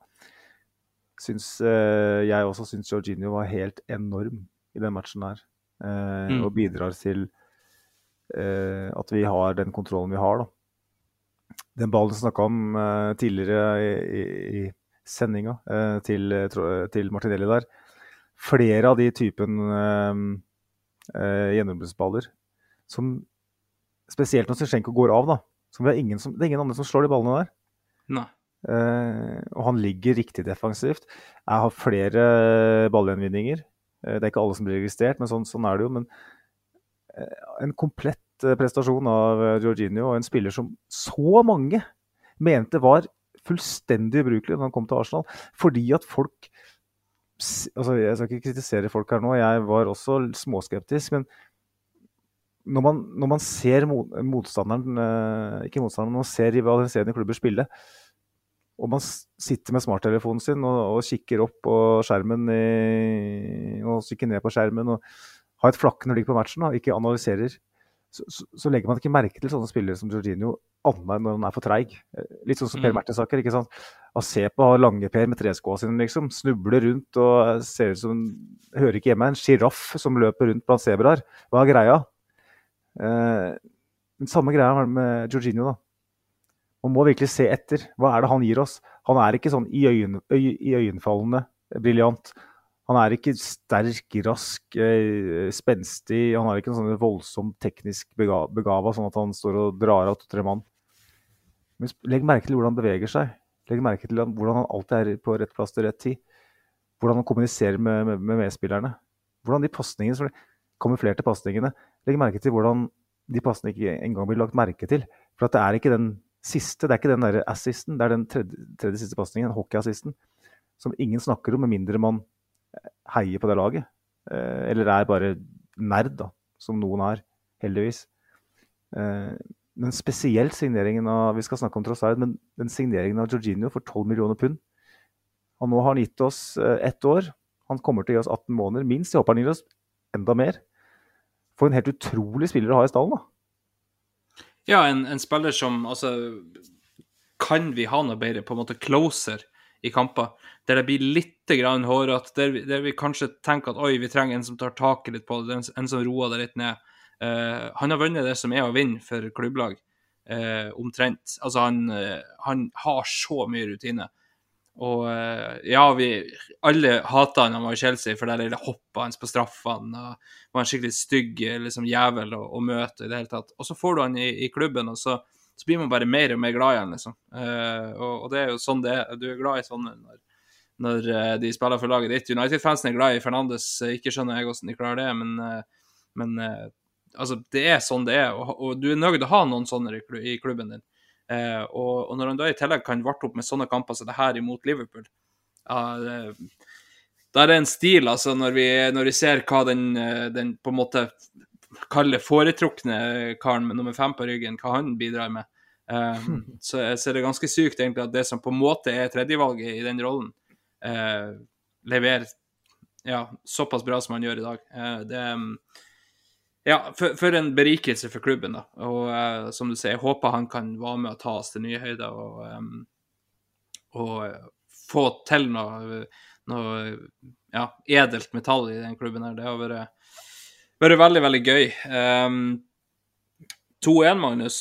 Det, da, da var vi på en måte sånn at vi snakka uh, ordentlig uh, stemning, og så så bruker vi, som du sa, energien til det på å begynne å pushe for 3-1. Um, det hagler gule kort osv. osv. Uh, Trossar kommer inn for Martinelli. Mange har jo meldt at det var Eller jeg så mange på Twitter som meldte at det var helt krise. Ja, men jeg var, jeg var enig. Jeg, tenkte nå, nå som Liverpool må frem, uh, kort tid igjen uh, Martinelli var åpenbart skuffa selv. Mm. Det er sjelden Martinelli er en av de mest lojale typene vi har i, i klubben. Både med tanke på uh, hvor forplikta han er til, til Arsenal, men òg måten han kommuniserer på. øh, måten han aksepterer øh, slike situasjoner på. Da. Men han var helt åpenbart øh, irritert. For han skjønte selv at dette er mitt kampbilde. Åh, det ligger et mål til for Martinelli i den kampen der, altså. Det gjør det, ikke sant? Det er, det er, som, at, det er, det er som han følte at uh, når han kom inn mot Palace, så tenkte han at det her er min lekegrind. Han må jo ha følt litt på samme viset. Uh, Han skåra mot City uh, i en, på slutten i den matchen. Så jeg forstår det godt, jeg, men Leandro Trossard, den brillefine bel belgieren, Ja. Eh, han har mer ved seg. Vi snakka om januarvinduet 2023. Eh, for en gave eh, den spilleren er. Da. Ja, han har gitt oss mange fine øyeblikk og fortsetter å gi. Vi har jo snakka om at eh, Jeg og du og Sivert i poden her har jo snakka om det, at det bor så mye mer igjen eh, enn det vi har sett denne sesongen her. Eh, for det vi fikk se i, i fjor våres, eh, når, når han eh, bare strødde om seg med assister Vi visste jo at det bor en del mål i han òg. Eh, så det bor ganske mye målpoeng i, i den lille belgieren, og, og han må vi òg få i gang. Eh, og så kommer han innpå, så eh, så utnytter han brøler nummer to fra Alison. Det er ikke ofte han har én en gang i kampene, men eh, når Alison spriker med, med føttene som om han satt på fødestua, så eh, var Trossard klar, han. Der, der har du akkurat vært, så det vet du hvordan det er. Ja, der vet jeg hvordan det sprikes, for å si det sånn. Um, hvis det er lov å si. Vi, um, vi, ser da en Trossar som får egentlig den, altså den perfekte Martinelli-muligheten. Får så mye rom på venstresida der, kan bare dundre nedover. Og så kommer han inn. før det så har vi sett Reece Nelson, vel, som skal prøve å slå et innlegg der det er én mann å sikte på. Og jeg er bare sånn her Kan du ikke bare gå til dørlinja eller et eller annet? Bare resirkuler. Eh, akkurat i den situasjonen her så, så, ropte jeg bare 'kjør, kjør, kjør', kjør, kjør, kjør. kjør. Eh, og så, um, så, kommer han alene med, med Alison. Det er lite å spille på inne i feltet, og, og det er åpent mellom føttene. Eh, da er det bare å sette. Eh, Alison som ser jo ut som prøver å plukke, for han er liksom ned i veldig merkelig keeperting å gjøre der, eh, istedenfor å liksom bare sette ned kneet eller et eller annet. Eh, prøver å sette ned armen, og den kommer for seint. Da eh, ligger 3-1 i kassa. og Kasper Wikestad kunne, kunne slippe stemmen løs og rope at avgjør kampen. og det, det, føltes veldig sånn akkurat der og da. Mm. Da var alle blodpumper stiltes ned igjen til normal hvilepuls, og, og de grå hårene kunne trekke seg litt tilbake. Det er det beste øyeblikket for meg i den kampen her, fordi at um, jeg har sett uh, så mange kamper mot Liverpool hvor vi uh, har gitt bort uh, både ett og tre poeng helt på slutten. Det har blitt en mm. sånn greie mot Liverpool, og jeg tror mange føler på det samme mot den klubben. For det er, det er en, en, klubb, spesielt under Klopp, som har så mye energi at, at de, de, finner, de, finner, en vei. Det, det forteller bare poengfangsten denne sesongen her, at, at de ikke har tapt en eneste kamp i Premier League før jeg vil ikke si at de har egentlig tapt før nå, for den Tottenham-kampen var jo en fadese. Um, så uh, det øyeblikket var sånn der Jøss, yes, for en fuckings gangs skyld så klarer vi å, å, holde unna mot det laget her. For det er så vanskelig. Uh, og det var, det var et um, Litt sånn som uh, når du kommer til en, en fjellovergang og det, det, føyker litt og tenker at det er garantert rødt lys her. Uh, så kommer vi mot Alison, og så er det faen meg grønt lys. Så det er bare å, å, å kjøre igjennom. Eh, helt utrolig eh, at han av alle eh, slipper den, men den manøveren Trossard gjør i forkant der, er jo helt utrolig. Og det må jo sies hva annet skal Trossard gjøre der? enn det han ja, gjør. Har ikke noe valg. så det er jo korrekt også, hvis, hvis, du ikke banker på døra, så kommer du ikke inn, som det heter. Helt sant. og jeg syns det var deilig å se. Nå, Trossard han skåra mot Palace hadde en ganske god match. Jeg ble belønna med to kamper fra benk igjen uh, i Forest og Liverpool. Uh, og det har vært litt den derre uh, snakkisen rundt Trossard. da, at, at, det blir litt sånn, blir liksom aldri helt belønna for gode prestasjoner. Og kanskje er litt det vi ser, da, at, at han blir litt uinspirert. Men dette var en inspirert prestasjon igjen, og viser Det, det syns jeg er så godt å se, at han kommer inn i den rollen. For at Vi har snakka så mye om nå i, januar at vi har liksom ingen andre enn Saka Martinelli. Eh, da er liksom Nelson nestemann på lista. Og Trossard kan komme inn i den rollen og, og gjøre en forskjell, det, det, er viktig. Både for sjøltilliten hans og, og for, for, våre muligheter framover. Nå var, gikk jo Saka halta jo Saka av banen i dag. Eh, det vil jeg helst ikke snakke om, egentlig, men eh, vi trenger jo at eh, noen melder seg på her. Eh, hvis han er ut mot Westham f.eks., så så er det helt naturlig at Trossard går inn. uavhengig. Jeg vet ikke hvem som spiller på hvilken side av han og Martinelli i så fall, men eh, at Trossard er i ferd med å spille seg varm, eh, det er ekstremt viktig. Og så er det litt sånn, Jeg vet ikke hva du tenker, Andreas, men nå har vi lagt bak oss vintermånedene i England. da. Jeg, bodde, jeg har jo bodd i England, sånn at jeg vet at når man kommer til mars, da går man i shorts. Eh, og da gresset grønt, og ballen triller. Men sånn som oktober, eh, iallfall november og desember, de to månedene er Da er det mye Da er Bramall Lane potetåker, for å si det sånn. Og det blør litt inn i januar. Men Når det kommer til februar, da begynner det å skje ting. Eh, Trossard er jo en spiller som spiller på små flater og er, eh, bruker matta liksom, i måten han spiller på. Eh, det er ikke en spiller som driver i luftrom og vinner dueller. Dette er en spiller som bruker, bruker gresset og benytter den, det faktum at ballen triller eh, forutsigbart. Og han var jo så god for oss i, for et år siden, på våren. Mm. Så jeg har en sånn liten feeling om at eh, når vi begynner liksom å bli litt varmere i været nå, så kommer vi til å se Trossard på sitt beste. Og det her var, eh, det skåringa her må jo bare vært den aller beste vitamininnsprøytningen. Ja, så absolutt. Eh, og så blir han sikkert belønna med kamp på benken, for nå ser jeg at eh, Arteta har sagt eh, he should be fine. He got a kick on the ankle or the back of his foot, but he should be fine. Eh, med Zinchenko så er det he felt something in his leg. Ok, men da ser du ikke han på akkurat det. Det er Nei, da er, da er det jo en måneds tid for han. Så da er det Kiwior mot Westham, da. Eh, for jeg tviler vel på at, at Tommy Yasu kan gå rett inn sånn. Eh, det er vel på benken for hans del, men eh, samme det. Eh, Trossard nå på våren, som du sier, vi så noe av det beste han i, i fjor vår. Um, og, og nå, hvis han Nå begynner vi liksom å få i gang flere, da. Håper vi i hvert fall. Trossard melder seg på, absolutt. Martinelli, Saka. Dette er så utrolig viktige spillere for det vi ønsker å oppnå denne sesongen. Uh, Jesus um, var skriver i hvert fall Teta at det var fordi de skulle være forsiktige med han eh, fordi at han eh, felt something in his knee. Eh, det er liksom the story of Jesus.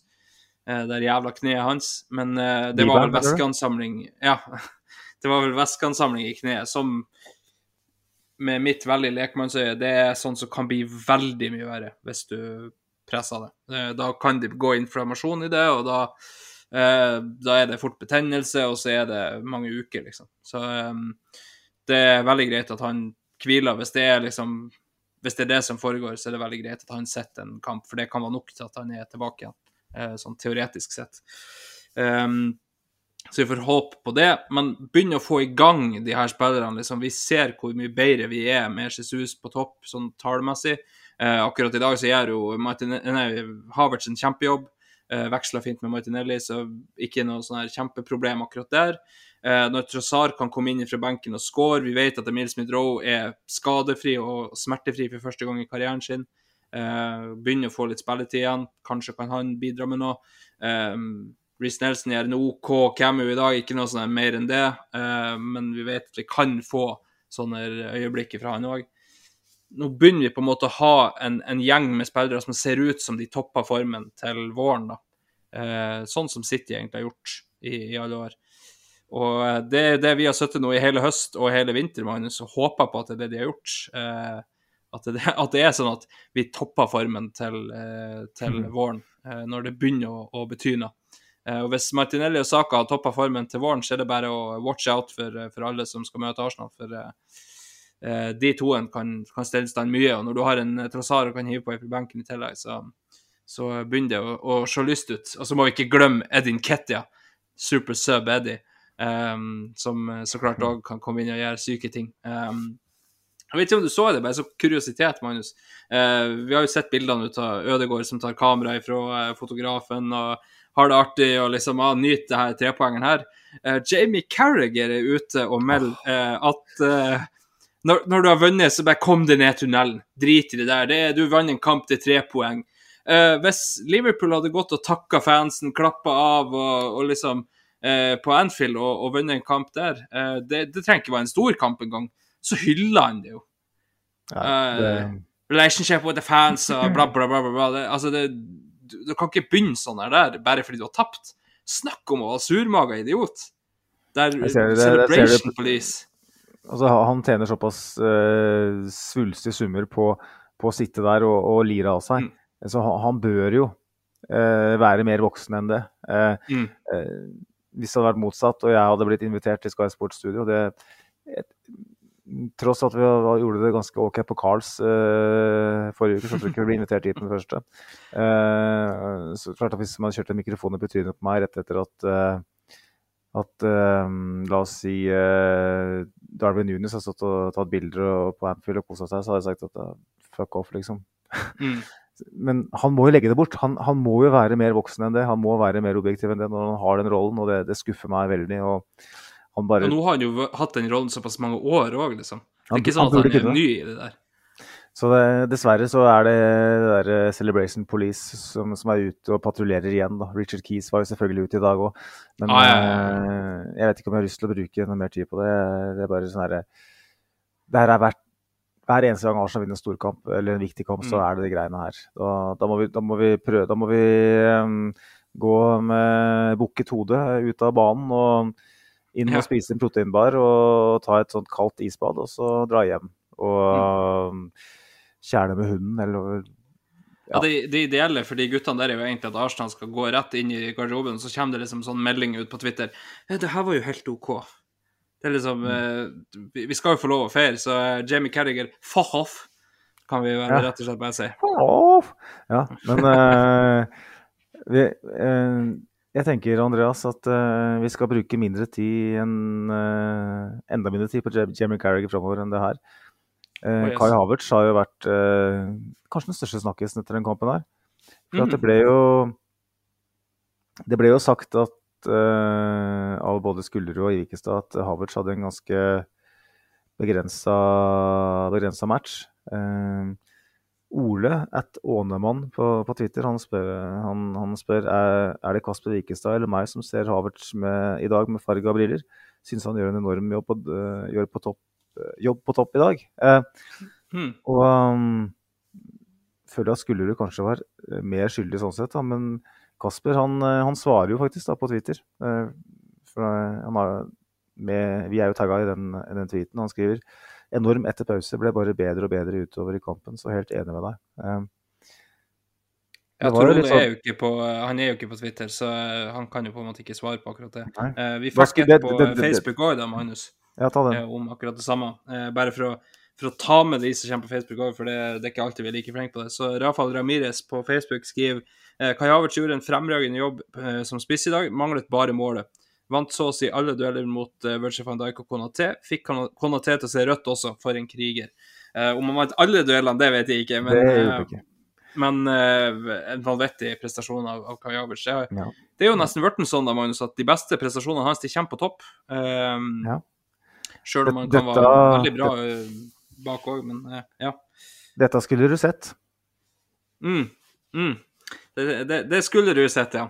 Eh, men eh, ja, eh, vi, vi ser jo en Kai Havertz som kanskje får bruke maks av sine styrker, da, når, i hvert fall offensivt. Vi vet hvor god han er i omstilling defensivt. Han, han har gjort veldig mye bra for oss defensivt i år, det er ikke det. Men, men nå får han på en måte Han får lov å ligge og veksle litt grann med, med Martinelli. eh, og, og få liksom gå litt mer på de klassiske spissløpene. Eh, får bryte litt grann med forsvarerne.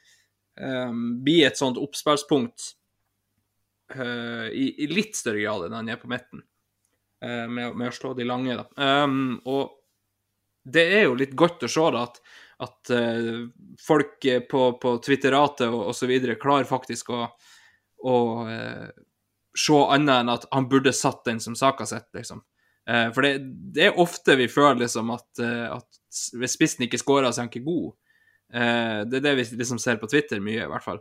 Men eh, veldig godt å høre at, at folk får med seg at han er jævla god på omtrent alt annet. Eh, og er helt enig med de som sender inn her at, at han har en veldig, veldig god kamp. En av de som på en måte eh, virkelig legger seg i sela i dag. Eh, vet ikke hva, du tenker om vår, eh, vår høyreste tyske venn, eh, Magnus?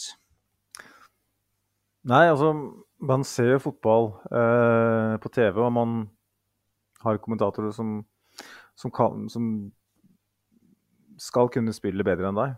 Eh, eh, når Kjernås kommenterer, så sitter jeg og, og som en svamp og prøver å ta til meg det han sier. Så han er utrolig smart.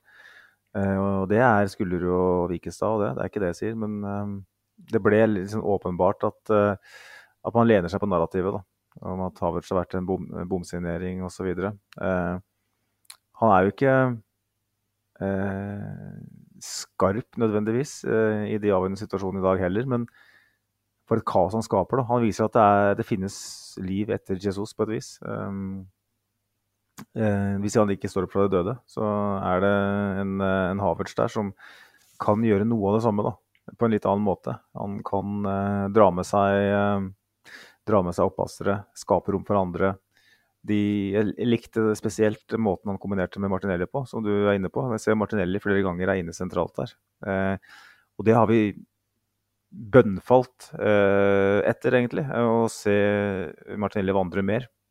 Fordi at han er en såpass instinktiv avslutter osv. Og, så og han er jo Ja, jeg vet ikke om vi skal ta målet sånn sett, men jeg syns, eh, de løpene Havertz gjør i venstrekanalen der, er det mest imponerende han gjør i hele dag. For at uh, OK, så blir det ikke så mye ut av det, da. Men han kunne fått et straffespark. Burde kanskje fått et straffespark. Han, Mm. hvis uh, Anthony Taylor der ikke, ikke er så ekstremt ivrig på å gjøre det der no penalty-signet Jeg har nesten aldri sett en person som er så ivrig på det. Eh, og, og gitt straffe der, så hadde jo VAR aldri gått inn og, og, og tatt den. Det er mer straffe enn det er, det er mer straffespark enn ikke straffespark, da. Ja, det er det jo, for McAllister får aldri den ballen hvis han ikke tar, eh, tar uh, Havers. Nei, han er knapt nok borti ballen der.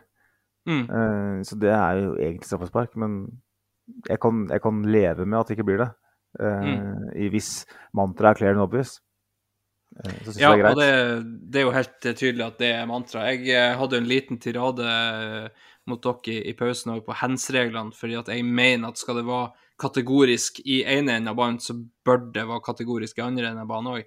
Det der at eh, Og jeg har ikke noe problem med at målet står eh, til Liverpool, det er ikke det jeg sier.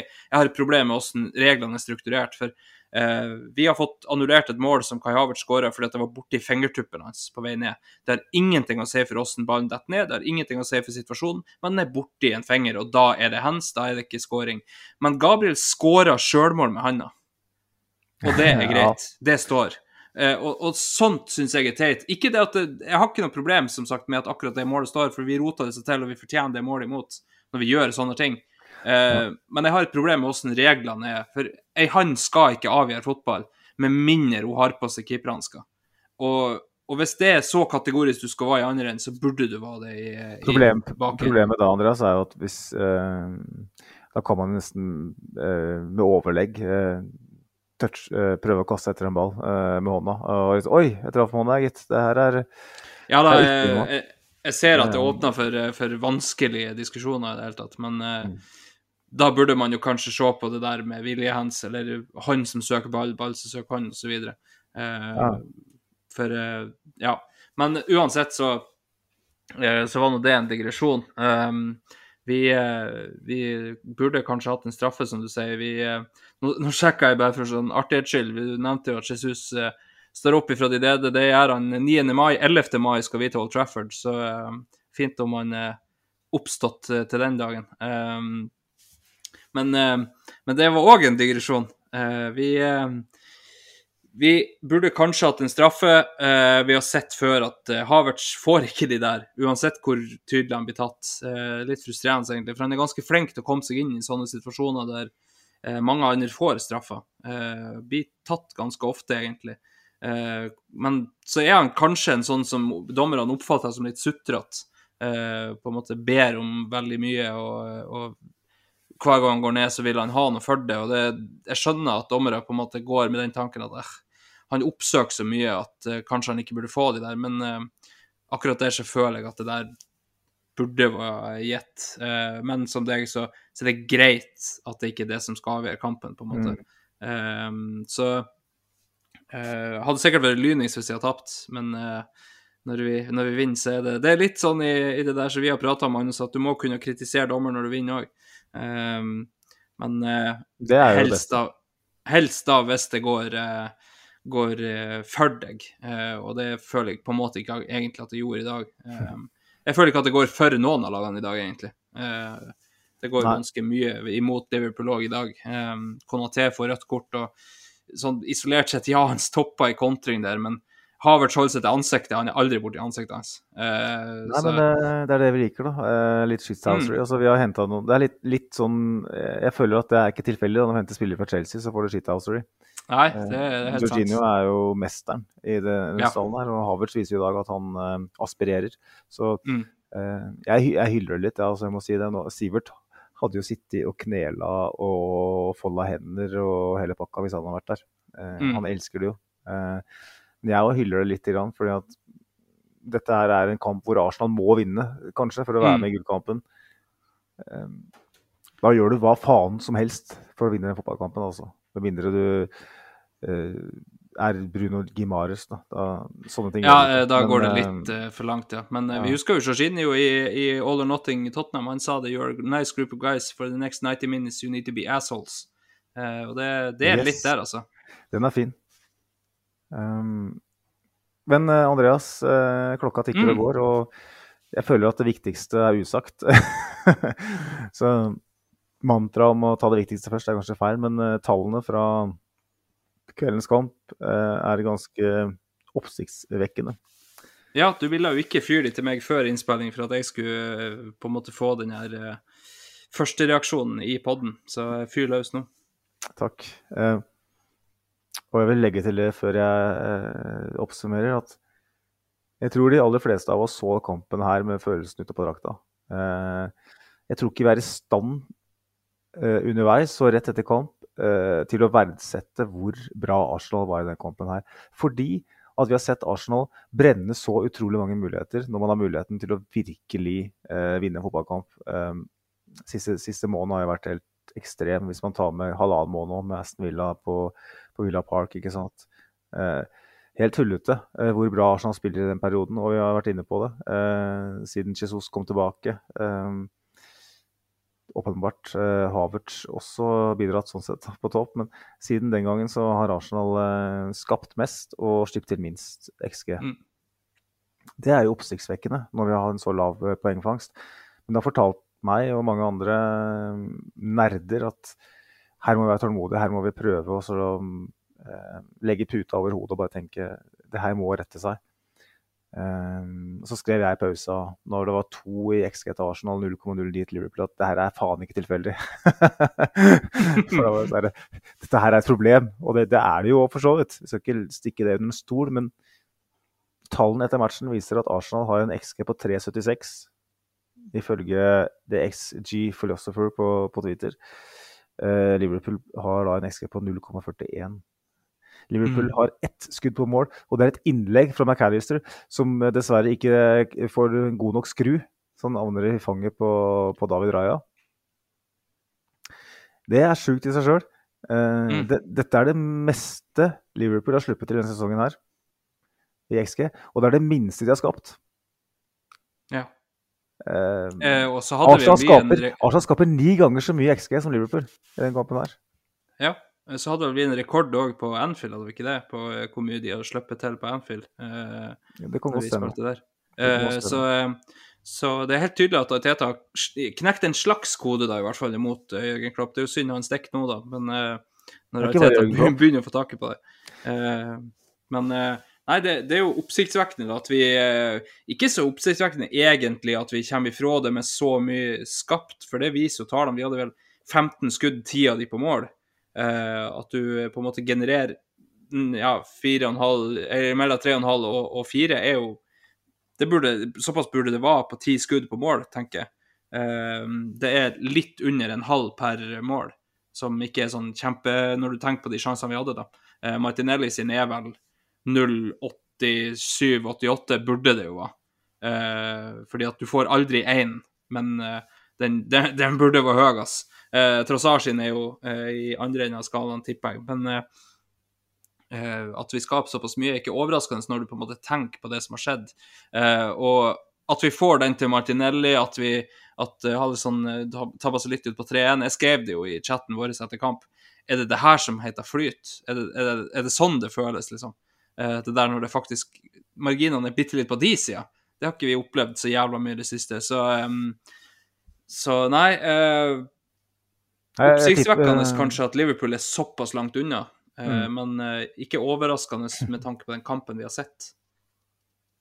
Nei, jeg tipper jo Lee Gunner uh, sitter og tenker at vi underpresterer på XG nok en gang. Eh, men ja, det er de, Altså, dette her er nordmenn. Dette her er det Arsenal gjør hver uke. Nesten, med unntak av Fulham. I dag så kveler vi Liverpool, også, Fullstendig. Vi knebler dem helt. Hvor mange feilpasninger har den, eh, den fyren som alle hylla, McAllister, i første gang der, eh, dypt? De, altså Liverpool har ikke noen midtbane. Eh, de har ikke Fabinho, de har ikke Henderson, de har ikke Wijnaldum. Jeg syns Curtis Jones spiller en kjempekamp, det skal sies. Det er en spiller Mm. som har vært linka til Arsenal. Og med tanke på managerbyttet der og sånn, så kunne det vært en spennende spiller, faktisk. For Veldig. Helt utrolig hvordan han eh, klarer å skape rom for seg sjøl. Helt utrolig hvordan han kommer seg ut av trange rom. Han, han har tatt helt voldsomt store steg. Eh, Liverpools klart beste i dag, i min bok. Eh, Mm. utover det, de har ikke den derre eh, ballvinneren på midten i det hele tatt. Nå er jo Endo selvfølgelig nede i Nå kommer han tilbake, da. Men eh, Liverpool fikk jo ikke Lavia, de fikk ikke Caicedo, fordi at eh, fuglebrystet til uh, Todd Bowley måtte bankes på. Ja, han så at de var linka til en annen Premier League-klubb, så da tenkte han at da må jeg bare ta de òg. Ja, så da dro nå Wrangler Dreesen sin litt ekstra. Bare yes, nå skal Top Gun Todd uh, skal mates med PR. Uh, men Liverpool sin midtbane altså, Det var litt av poenget med mitt tidligere òg, når vi snakka om forventninger foran kampen. Altså, Arsenal har et mye, mye bedre fundament enn Liverpool. Mm. Vi har Stoppeparet er kan man diskutere. Jeg mener vi har et bedre stoppepar, men van Dijk Konate er et godt stoppepar. Det er veldig, veldig bra. Eh, men vi har Ben White, som er en helt utrolig forsvarsspiller eh, på mm. høyrebekk, mens Liverpool har jo da en mer offensiv type der. På venstrebekk spiller man med en Gomez som gjør en god jobb, for all del, men som er ute av posisjon. Eh, på midten så føler jeg at vi er mye bedre enn dem. Mye, ja, der er vi i hvert fall et par hakk over de. Ja, det er ikke tvil om engang. Altså, det, dette er en midtbane som har blitt uh, gjenoppbygd over natta. Og det er litt det som gjør at jeg er stum av beundring for Klopp òg. Måten han har klart å uh, stå i den stormen som var i, i fjor sommer, hvor, uh, hvor, det var masse mas om at det er masse utskiftninger på bakrommet, det er ikke noe plan. Og man ender opp med plan sett i Endo. Mm. Og så klarer man liksom å bruke det McAllister og Jones og Gakk på og sånn, klarer å bygge en midtbane på nytt da, som gir et fundament som gjør at, Liverpool plukker så mye poeng. Det er helt utrolig imponerende. Soboslai, ikke minst. Ja, ja. Kjempesignering, da, for all del. Men eh, at, uh, at, Arsenal er et bedre fotballag fundament- og grunnspillmessig enn Liverpool, det er for meg helt Det er ikke tvil i det hele tatt. Nei. Og vi viser det igjen. Uh, problemet er at Liverpool er bedre enn oss i begge bokser, normalt sett. I dag var de ikke det. Uh, og vi har skapt en XG som da er uh, nært fire, og slipper ikke til noe som helst. Så viser det bare at Som jeg har sagt egentlig lenge, kanskje ikke så høyt, jeg, jeg, jeg regner City og Arsenal som de to største gullfavorittene. Jeg tror ikke Liverpool er gode nok. Eh, jeg driter i den der energien som eh, Klopp sin exit liksom skal gi osv. Jeg, jeg tror ikke det er bærekraftig uansett. Jeg tror ikke en, du, vinner ikke mot, mot det City-laget her og, og det Arsenal-laget her, så vinner du ikke Premier League på energi. Det, Nei, det, det går ikke. ikke. Uh, jeg tror ikke Liverpool er gode nok. Jeg tror ikke de har fundamentet. Men så er det samtidig bare 15 kamper igjen eller noe sånt. Mm. Så who knows, da. Men jeg føler at City og Arsenal har det beste grunnspillet i, i ligaen. Og jeg, hvis Saka kommer ordentlig i gang, hvis Martinelli kommer ordentlig i gang, hvis vi finner en løsning på den spissplassen eh, jeg, føler, jeg, jeg, føler, Arsenal er en soleklar grunnkandidat. Vi spiller mm. bedre enn motstandere i hver eneste kamp. Full, mm. Fulham, da har det åpenbart da har vi tatt nyttårsaften en dag for tidlig. Da hadde man feire nyttår den 30. Man fyllesyk den 31. For da var det et eller annet som ikke stemte. Men fortell meg, når, når sist, da, hvis vi ser bort fra Fulham-kampen, når sist spilte Arsenal en kamp hvor vi ikke matcha eller var bedre enn motstanderen? Det Nei, det er andre omgangen mot Chelsea, da. At vi var ja, her... relativt dårlige. Men det er bare en omgang.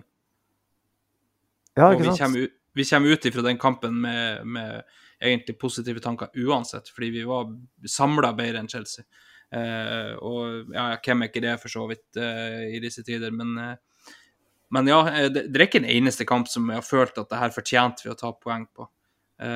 så, og det har vi jo, vi som er, som er positive i Arsenal-miljøet, har jo sittet og, og liksom sagt at det her må snu. Altså, det kan ikke fortsette sånn. Sivert bruker å si det, matten vinner alltid, og, og skaper du så mye og slipper til så lite som det Arsenal gjør, en eller annen gang så må det begynne å snu oss. Og um, vi kan jo eh, bare liksom uh, stikke fingeren litt opp i lufta og kjenne på vindretninga. Vi tar fire poeng mot Liverpool i år, vi, i mm. ligaen. Det er meget godkjent, uh, med tanke på uh, at de i tillegg leder ligaen, liksom. det, er, det, er, det, er sånn, det er sånn miniliga, kan du si, da. For vi har jo sagt det flere episoder, Andreas, at det står mellom City, Arsenal og Liverpool. Mm onkel, onkel Ernst han, eh, han, kommer ikke til å stå, eh, stå løpet, det, det, kan jeg ikke tenke meg. Og Aston Villa, det er ikke bærekraftig. Eh, Nei da. Så det er de tre klubbene. eh, som spiller best fotball, som er de beste lagene, som har de beste spillerne også, det er, og de beste trenerne osv. osv. Eh, og i den miniligaen så må jo Arsenal eh, ligge på topp. Vi har eh, på tre kamper mot de to her, så har vi sju poeng. Mm. Vi har mista poeng i kamper mot lag vi skal slå. At vi ligger Yes. nå potensielt tre poeng bak Manchester City, det er litt synd. Fordi at eh, City har virkelig gått på noen landminer denne sesongen her. Mm. Men vi har dessverre gjort det. Vi har ett poeng mot Fulham, f.eks. Vi tapte mot Westham. Første gangen David Moyes inn borte mot uh, topp seks, vet. Eh, og jeg så det mot United i, i dag, Westham. Og det, det, de spilte ganske OK liksom, mot United, da, men hvem gjør ikke det? Eh, de taper 3-0 mot United. Det, det skal godt gjøres. Sånn at eh, Arsenal er veldig, veldig godt eh, posisjonert til å virkelig Mm. angripe den, den tittelen her nå. Og, men det er jo små marginer, Andreas. Eh, Det det. Hvis, eh, som han eh, Thomas var inne på eh, på lytterinnspillet, liksom. Hvis vi ikke får den der, det øyeblikket, da, og så er det eh, vinner Liverpool, så er vi åtte poeng bak, Mm. så er realiteten gullkampen over, ikke sant. Men så det sier litt om hvor viktig den kampen her er. Da. Det, det gir oss muligheten til å utnytte hvor gode vi er. For jeg, Mm. jeg, jeg klarer ikke å se hvem som er, med unntak av City, hvem som er bedre enn Arsenal. Altså. Jeg klarer ikke Nei, å se så, og så satt vi jo i fjor da, eh, og så at det var akkurat de kampene mot City som ble avgjørende. Eh, Ja, jeg vet vi tapte ligaen med mer enn mer enn de poengene, men, men nå var det faktisk de kampene som gjorde at eh, det stoppa opp. Eh, vi kunne ha distansert de enda mer i den første kampen, egentlig, hvis vi hadde fått lov å spille mot de når vi skulle. Eh, første kampen. Eh, og andre kampen så så satte City kniven inn, og så vrei de skikkelig rundt, liksom. Eh, nå i år, som du sier, vi har sju på tre kamper eh, mot de her. Vi har ikke tapt imot de ennå. Eh, og ja, jeg vet vi skal på Etiad. eh, men eh, City har en kjempetøff marsj, egentlig. Eh, jeg, har, sett på den. De har United borte, vel. Liverpool borte. Brighton hjemme. Eh, eller om det er United hjemme og Brighton borte, usikker.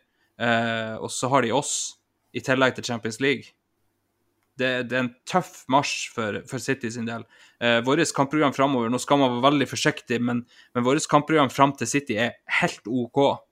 Eh, vi har lag som Westham, Burnley, eh, Sheffield United vel, og, eh, og Newcastle, som ikke ser ut for tida.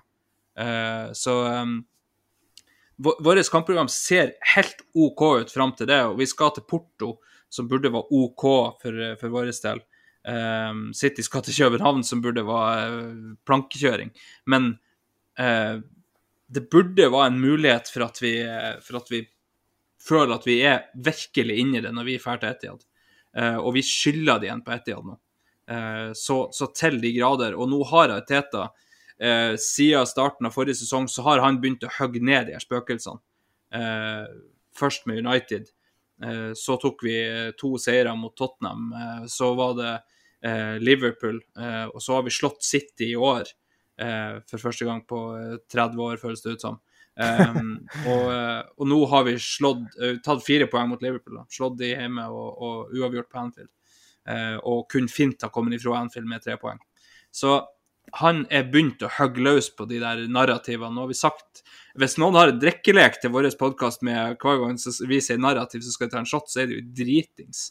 Uh, men, men det får de bare være. Um, men, men ja, vi, vi ser et, et Arsenal-lag og en Arteta. Jeg vet at Gary Neville òg nå er ute og melder at vi er umoden, bla, bla, bla. Men, eh, men vi er begynt å legge de spøkelsene i skapene. De vi begynt å, å eh, ta med støvsugeren og hive ut. Eh, og det er veldig veldig godt å se. da. Og, og de internkampene som ble avgjørende i fjor mot City, eh, de ser vi at vi faktisk er eh, i hvert fall fullt på høyde. Kanskje et hakk bedre enn de vi, har, de vi møter i, i gullkampen. Så um, utrolig spennende vår i, i vente, Magnus. Ja. Da kan vi jo på en måte eh, fortsette å kjenne litt på nysgjerrigheten eh, og, og så videre. Og så ikke minst suge på den karamellen her, da. Vi skrev jo eh, på Twitter vel var det at eh, jeg håper at vi kan by på karamellsuging i, og smasking i ørene på folk på mandagsmorgenen. Og det, det kan vi by på, Andreas. Um, Mm. Jeg tenker at klokka den tikker. og Yes. eh, Nå har vi holdt på snart 40 minutter lenger enn vi gjorde på Carls, så da, Mm. da bør vi kanskje gi oss. Ja, eh, dessverre. Vi skulle gjerne ha to timer på Karls, vi. Men eh, det var en kamp som kom og skulle ødelegge for, eh, for eh, stemninga. Men eh, Ja. den ødela for så vidt ikke den heller, da. Men, men dere skjønner hva vi mener. Um, og eh, vi er jo tilbake etter Westham. Uh, det er ikke så veldig mye mer å se enn det. Og Er det søndag? å- Jeg husker ikke. Det er vel lørdag. Er det lørdagskamp Eh, vi sjekke veldig fort. Nei da, det er søndag. Søndag, det vet du. du har, det er på morsdag. Og fastelavn. Da blir det kremboller og eh, jeg vet ikke, kan lage, lage den kremen med morsmelk her, i hvert fall. Jeg vet ikke, jeg vet ikke hvordan du tenker eh, å feire de to, Magnus, men en kvast til, til dama og boller bolle med krem, det er fine greier, det. Jeg tror jeg nøver meg med en eh, kvast eh, i så måte. Eh, jeg tenker morsmelk, det, det er jeg ferdig med. Um, Det er for spesielt interesserte. Dere hadde jo urindrikkinger eh, tidligere, vel, men eh, før min tid. Men eh, morsmelk ja, er jo så er spesielt du, interesserte. så er du så jævlig seriøs. Så, uh, men ja, klokka tre på søndagen er det. Det er jo midt i alt, det. Men uh, Mm. det blir hyggelig, Andreas. Da håper jeg vinkelneren er tilbake òg. Så blir det Ja. bra.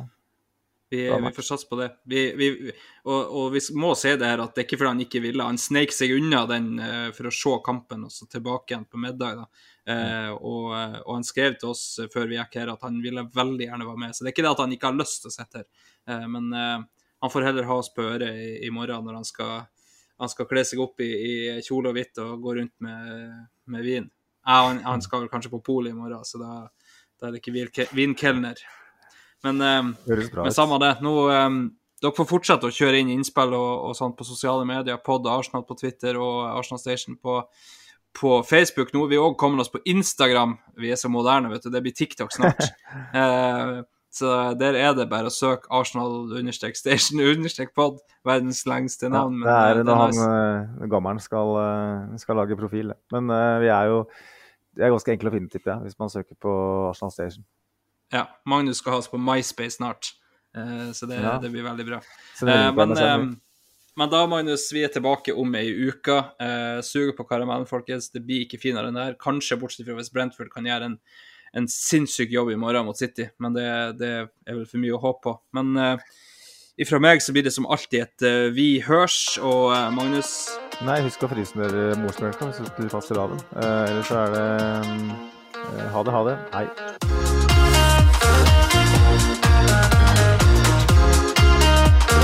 This train terminates here.